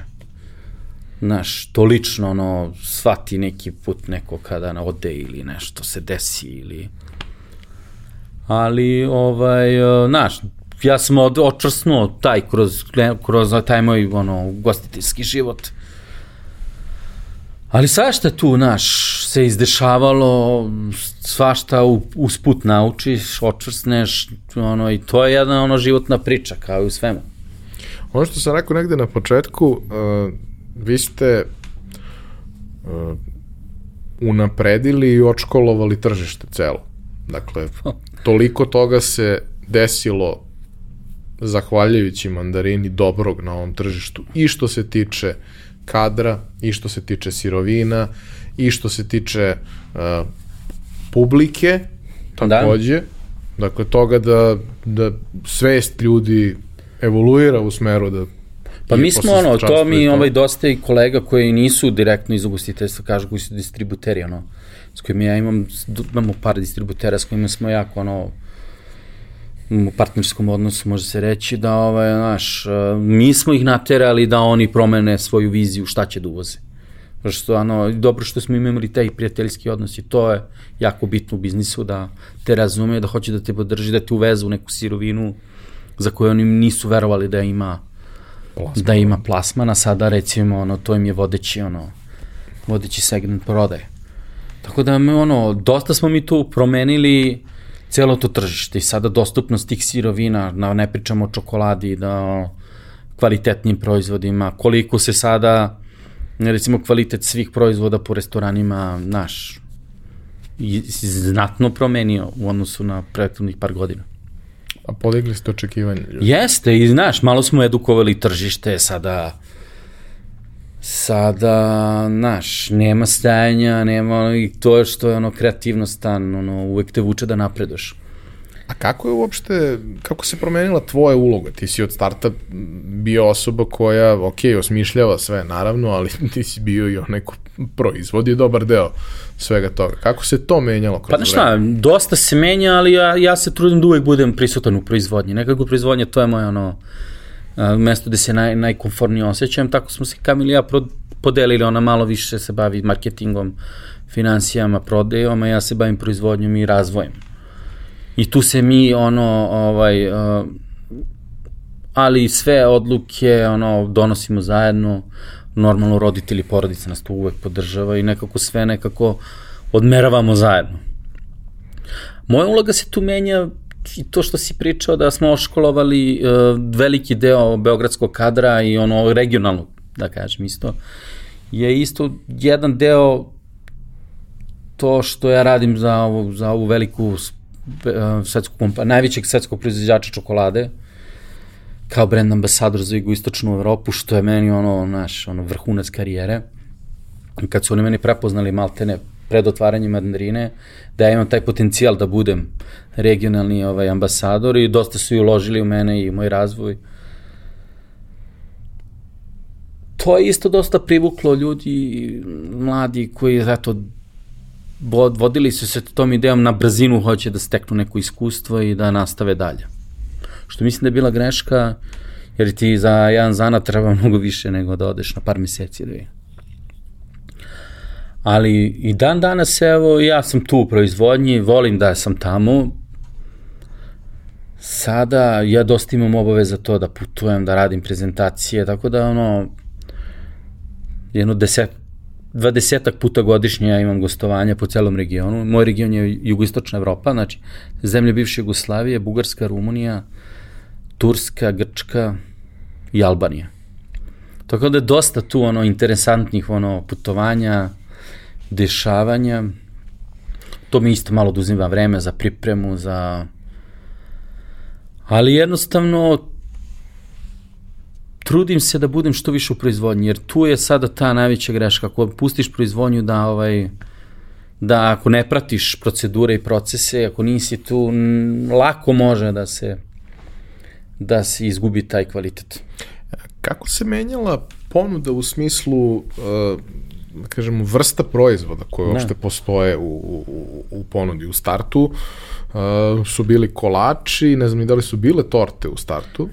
Ali kako to sve danas izgleda, pošto je dosta kompleksno, ti baš voliš sebe za komplikuješ. Ja, ja sam to ono, specijalac. ono, mene sad ono moraju da me obuzdaju, ono, non stop, ono, svi timski. Pričala mi je tvoja sestra. Da. Jer ja sam, ono, mene je to, ono, vučem, jednostavno volim svoj posao, volim da istražujem, kad nešto zacrtam, nema, ono, ne odustajem, ono. I sad, recimo, mi smo krenuli 5, 6, 7 vrsta kolača. I možda jednu, dve vrste torti. To je kao bio ono, kao to držimo se toga. I onda kao, pa ja znam super da pravim kroasane, znam super da pravim kukise, znam ovo, znam, i onda kao, ajde da ubacimo neku pitu, pa pita sa jabukama sjajna, pa ajde da ubacimo možda neki keksić, pa onda ja ubacim, i onda jedan keks je prešao u deset ono vrsta, onda da ja... Da, da, osluškuješ reakciju publike, reakcija da. bude dobra i... I onda ja sam forsirao, ajmo krosane, ajmo krosane, ajmo krosane, pa onda, znaš, uh, ko će da pravi krosane? Ja ću da pravim krosane, i onda se ti kao, ono, sam sebi namisliš Što ne bi sebi napravio? Da, onda, možeš da ustaneš u četiri ujutru, ma nema veze, idem. Nema veze, bit će krosan. I to je ta pokretačka energija koja mene drži, ono, ja to u tome uživam, ali, znaš, uh, mislim da imamo svaki, da, da su sjajni proizvodi i onda jednostavno te držite povuče. I onda sad kad smo došli do toga da sve to mora, naš, onda smo krenuli, a pa zašto ne vi to praline, ono, sad... Nije do... to toliko komplikovano, Nije. Mo, možda. Da. I onda, kad napraviš ono, ne znam, 50 komada pralina, nije to teraz. A kad to pređe u nešto, sad da mi imamo troje zaposlenih koji to rade stalno, ceo dan, to je sad već ono, naš, drugi, ono, drugi nivo i organizacije, investicije i te mašine koštaju, treba ti prostor, čokolada zahteva idealne, ono, te mikroklimu svoju, kontrolisane uslove i, i proizvodnje i skladištenja. I onda tako smo rasli, mi smo, ono, to neki, taj neka zdrav rast, ono.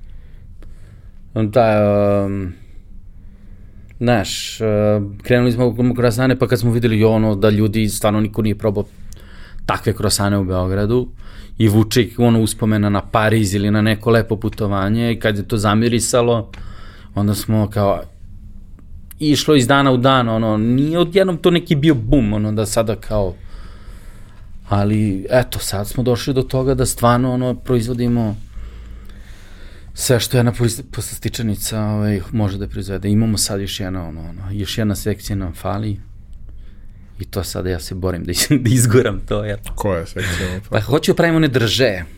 Uh mhm. -huh.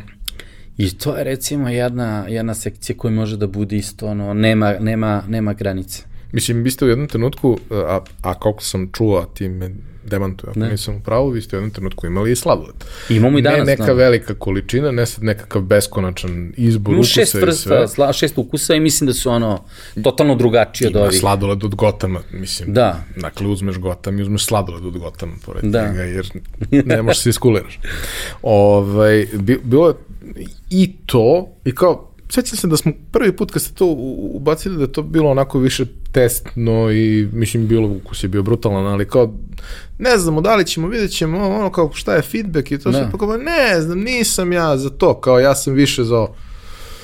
Kakav li si za ono, zašto jesi? Da, mislim. pa šta, ja mislim da imam, imamo ozbiljan potencijal za sladoled i to mi je žao što jednostavno eto kao mnogo je previše ono, razno raznog tih ono obaveza i ovaj, to je posao za sebe, razumeš, i te ono, i oprema je skupa, i investicije, i to, i prostor, i treba se posvetiš tome, i da ne kažem i konkurencija je tu onako dosta jaka, mi imamo jako razvijeno tržište, gelato, mm -hmm. najjače u regionu, sigurno, i ponosan sam na to, ono, stvarno, svaka čast svima, svi se trude. Još jedna oblast Da. u kojoj je bilo nezamislivo da, se desi nešto tako Pa ja i onda kažem se ti, ja desi. kroz ovaj, kroz ovaj čokoladni moj život i ta putovanja, imam sreću da uvek idem ono, na ta fina mesta, uvek me prime ono, s poštovanjem, uvek um, to tako funkcioniše da distributer lokalni organizuje predavanje za njihove klijente i onda svi klijenti, ono, tipa iz Sofije i okoline dođu tamo i to su sve najbolji poslastičari iz Sofije i, i sad gde god da odem. I stvarno mi je čast kad odeš i oni se posvete, ono, odvoje vreme da dođete, slušaju, veruju ti, uh, znaju da si napravio neki uspeh, uh, znaju da, što mene, ovaj, i znaju za mandarinu. I dive se našem radu i ono, stvarno mi ono, kao, malo je čudno, pravo da ti kažem da ono, ali ovaj, uživaš tako kad te neko znači ono, da, da si se iscimo, da si napravio lep posao da tu ljudi cene. Voleo bih, uh, i to si pomenuo negde na početku, voleo bih da te vratim na to, um, da ispričaš priču o nekim proizvodima koji su tebe posebno važni. Mislim, meni je posebno ne. važan gotov i dalje bih volao da čuvam tu priču.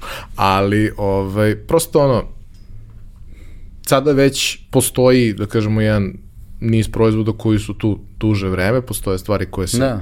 pojavljuju ove, nove često, ali uh, šta je bila tvoja inspiracija, šta je bio tvoj pobud kada, kada bi nekog pozvao da upozna mandarinu, a ne zna je, da. sa čime bi voleo da ih upoznaš, kako bi im predstavio svoje Šta, svaki ima neku svoju priču. Ono, recimo, Gotham je isto tako nastaje u nekim fazama, nastaje u nekim, ono, probama, znaš, um, pa kao Rocky mu dao ime, znaš. I ovaj, znaš, onda kad ga ti, ono, svaki kolač ja nacrtam, skiciram, vizualizujem, pa um, odredim u kom će smeru da, da, će biti tamna čokolada. Znaš, sad ti imaš 15 vrsta čokolada, da gotovo ne bi bio da mu smanjiš 5% kakao mase, ono, je, uh, ono ne bi bio isti. A da mu povećaš, isto ne bi bio isti. Znači, treba da, da se dođe do tog idealnog balansa, pa onda, uh, znaš, ta, uh, uvek se on usavršavao, nije od početka bio isti, ne? dostupnost sirovina, I onda kad na kraju ono, kad ga napraviš i probaš, kako će da se, ne, naš, tek dobije pravi život kad mu daš ime. I onda to i to davanje imena je jako interesantno, ono, tu svi učestvujemo, ono, kao kako ćemo da ga nazovemo sad. Znaš, i onda i tako imamo neka totalno otkačena, ono, otkačene nazive, ali svaki ima neki kao, kao kako bi mogli da ga zovemo, i onda većemo svi zajedno i onda ono kao, mhm, zašto mi bi ono, sad mi zove, zove se Hakuna Matata. Daj mi par komada i daj mi neku, neku priču za različite ljude, različite ukuse, šta bi šta bi preporučio ljudima da probaju? Pa eto, recimo, sad recimo, da, šefica naša, moja prva asistentkinja Lana, ona je ona iz Italije, ono, sad nešto mi pravimo taj kao neki malo italijanski šmek, ti neki citrusi su bili u pitanju. I ja kao, Lu, ovaj kolač liči na tebe, kao, iz onoga, onda smo ga nazvali Lu, kao, Luana, izvimi, svi zovemo Lu. I onda uvijek ima to neki, ono, ta neka anegdotica, ono, Sad je tu mnogo bilo i kolača, znaš. Ne, ali nešto od onoga što, što da kažemo, ostalo kao favoriti publike i... Da, recimo samba, ono, kao samba, znači, onako vide, sad znaš kako izgleda tart, pa ima one vijugice, pa i unutra passion fruit, pa onda tonka, pa sav vuče na brazil i žutje. I onda kao, pa, pa samba, on je kao džuska, sav je u nekom ritmu. I tako je malo kiselkasti, ono, Um, tako da, eto, sad ne mogu ni da se setimo, no, toliko svega smo se ispričali da, da u principu uh, svaki proizvod uh, nekako je ukuse, što si rekao, Gotham i Sambu i to. Imam neke sve omiljene ukuse koje ja kao neku filozofiju pokušavam da provučem kroz sve proizvode. Znači sad tako o tom imaš i kao kolač, i kao tortu, i kao sladoled, i kao pralinu, i kao croissant, i, i tako i, i samba, Sve tako i bez. Sve sam ja. I croissant to je sad najnovije. Nego nemam vremena da stignem, eto to što vidiš. I sad to radim na tom razvoju i to je nešto što sad ćemo novi meni croissant da izbacimo. I mislim da je to sad sledeći nivo. Znači ovo što smo imali do sad croissana, to je ok, savladali smo, I sad je meni već to dosadno, ono, kao ne mogu, ono, znaš, uvijek me nešto vuče, sad ono sam sebi, aha, to je to. E, šta bi, ako bi mogao da, da daš neku kratku analizu, šta bi odredio kao nekakve ključne momente u razvoju koji su vam se desili, ključne situacije koje su vam se desile, koje su označile ono naredni nivo u celoj priči? Jedna stvar je kad si ti mala poslatičanica da ljudi dolaze da se zaslade i se to, ali kada postaneš deo uh, njihovih uh, venčanja, rođendana, ostalog, to usložnjava posao. Da. Onda kada dođe priča sa korporativnim događajima, poklonima, to opet, posebno što je to sezonska stvar, pa Da. u jednoj sezoni pogineš. Ove, ali kao te sve stvari ne dolaze odmah. Nego Sve to išlo u fazama i sve, svaka, svaka ta faza je sebe ono, dovela do toga da aha, mi imamo stvarno dobar proizvod, sad ovo zahteva naš posvećenost, zapustiš ljude da se bave prodajem. Pa onda, znaš, ko će to da odveze? Ne mogu ja više da vozim, ja se na početku vozim. A onda kreće vozač. Aha, onda, znaš, kako ćemo to da upakujemo? Onda sve ti neki logistički problemi koji su dolazili, koji su zahtevali rešenje su ono znatno menjali samu organizaciju. Uh, mislim da su te svadbe, ono, to je u stvari naj, ono, posebno u Da. našim slučajevima gde je to ekstreman stres za sve koji su uključeni, da. uključujući i mladence, ali ajde, Za nas je to najstresniji deo posla, ono, svadbe, ono, pogotovo to što zahteva taj logistički moment, prvo što je torta, je, su naše jako osjetljive, nemaju fondana, pa taj transport, treba ih napraviti, treba da su stabilne, treba razmišljati o temperaturi transporta, gde ćeš tamo stići, ti dođeš na lokaciju, ono, izgleda, naš, stavite neku komoru sa ono pečenjem i to. I onda, znaš, ti imaš super finu tortu koja ono, tu sedi sa ono ruskim salatama i ono na podu. no. Zato mi donosimo znatno pred pred ono iznošenje u našem vozilu i ono donesimo i totalno brinemo o njima. Ali svaki taj pomak u, u našem, našem asortimanu je zahtevao dodatno ono, angažovanje i ljudi, i resursa, i procesa, i ovaj, i to je ono dodatno u, u, zakomplikovalo proces. Ali jednostavno to je ono, krenulo je, vidiš da ima potencijala i onda ti se uhvatiš i radiš, nema tu. COVID se desio, nikoga nije očekivao, mogu da ga predvidi, niti bilo šta slično. Sa mnogo ljudi sam pričao i privatno i ovde o tome šta je to značilo za njih. A, mnogi ljudi koji su se bavili a, ugostiteljskim poslom su jako propatili u tom procesu, jer gde god da je taj experience Da. podrazumevao odlazak u prostor da bi ti doživeo to na pravi način, to nije bilo moguće. Oni koji su uspeli da se adaptiraju preusmere na neku dostavu ili nešto slično, našli su neko rešenje da preživaju, iako ne idealno i ne onako kako su hteli. Um, šta se vama desilo? Kako ste se vi Pa postavili? da šta, ja sam srećan zato što ono, uh, mi smo, šta je jako bitno u biznisu da shvatiš, da koliko te ovaj biznis spreman da, se, da, da raste i koliko je spreman da se, da se smanji po potrebi.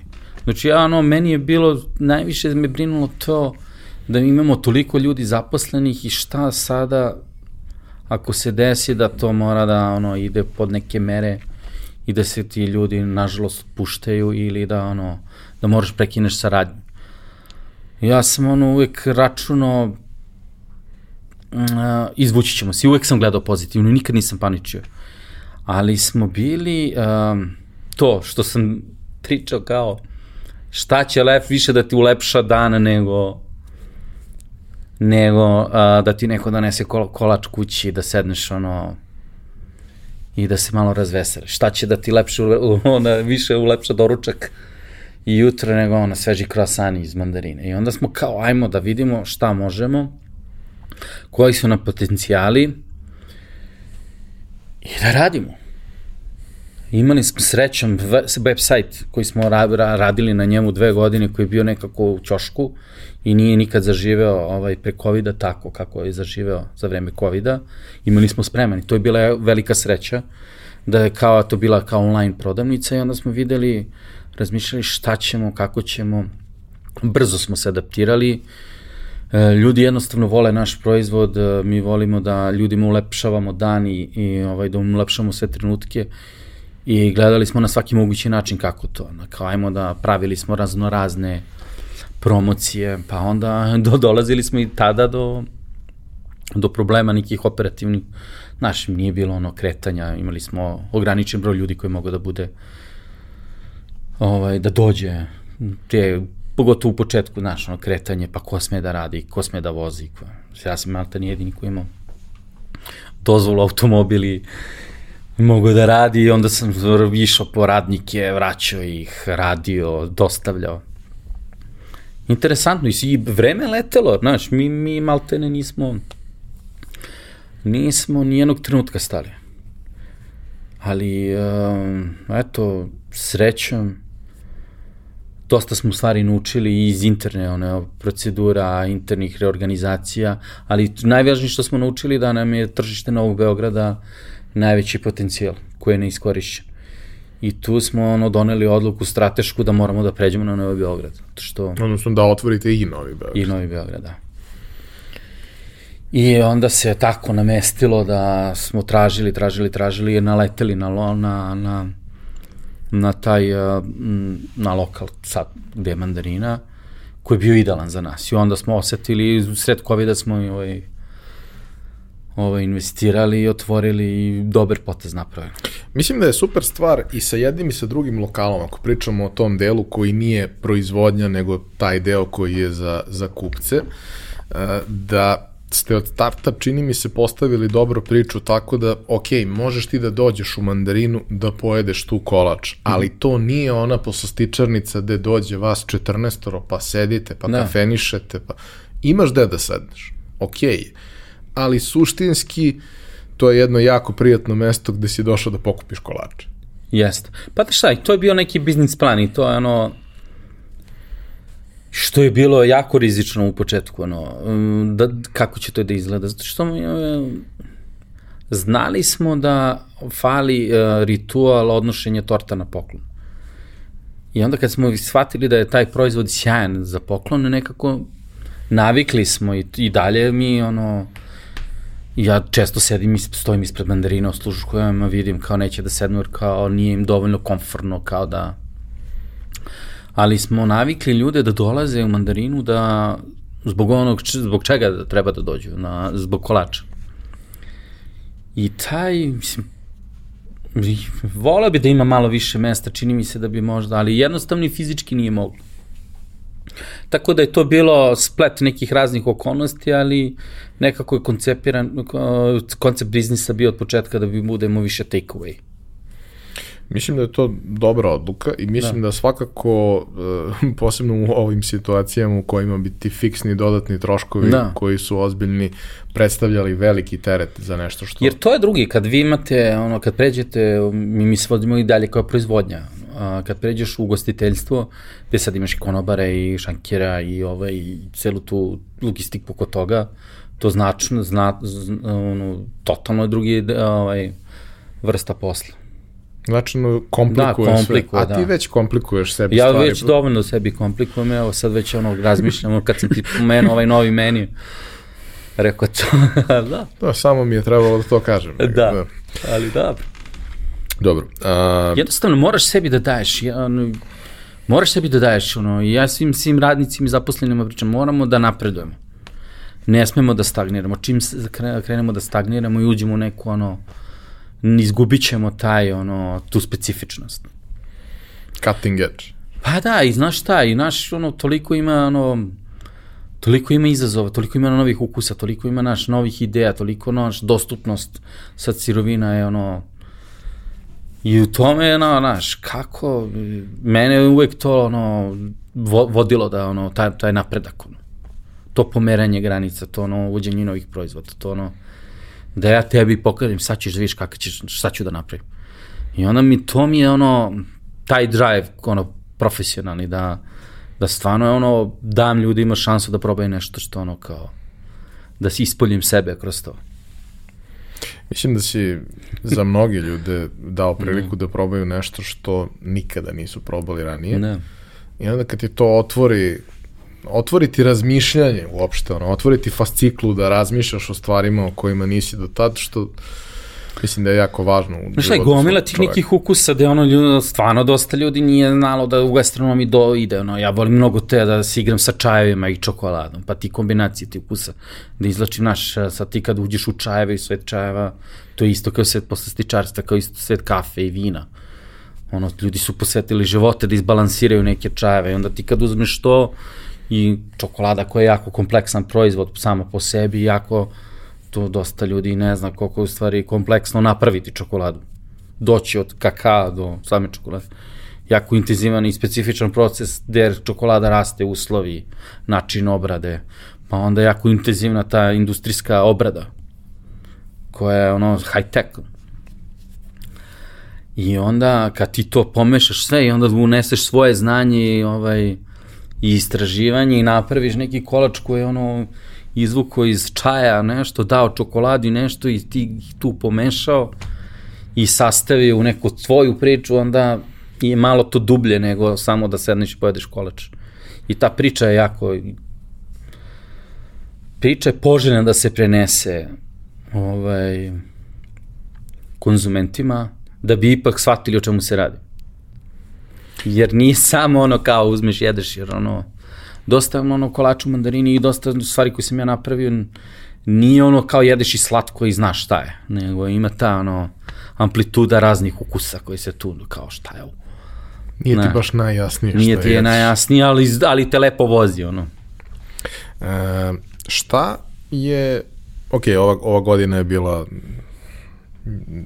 komplikovana u najmanju ruku, ali ovaj, vi jeste napravili jedan vrlo važan iskorak ovaj, i što se tiče dolaska na Novi Beograd i što se tiče uh, asortimana i svega. Proizvodnja je mm, kompleksnija nego ikad. Uh, da.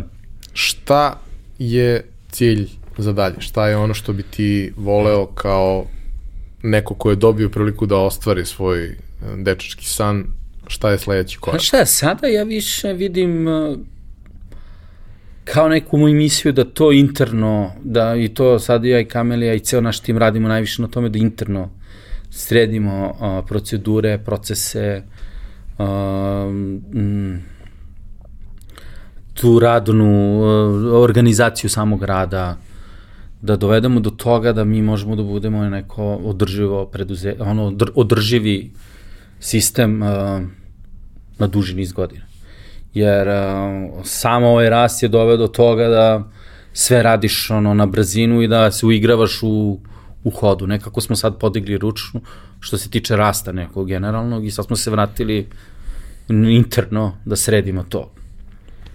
A ti kad pogledaš koliko procesa imaš iznutra i da ih definišeš jasno, od samo međuljudskih odnosa, ugovora o radu, do, ne znam, uh,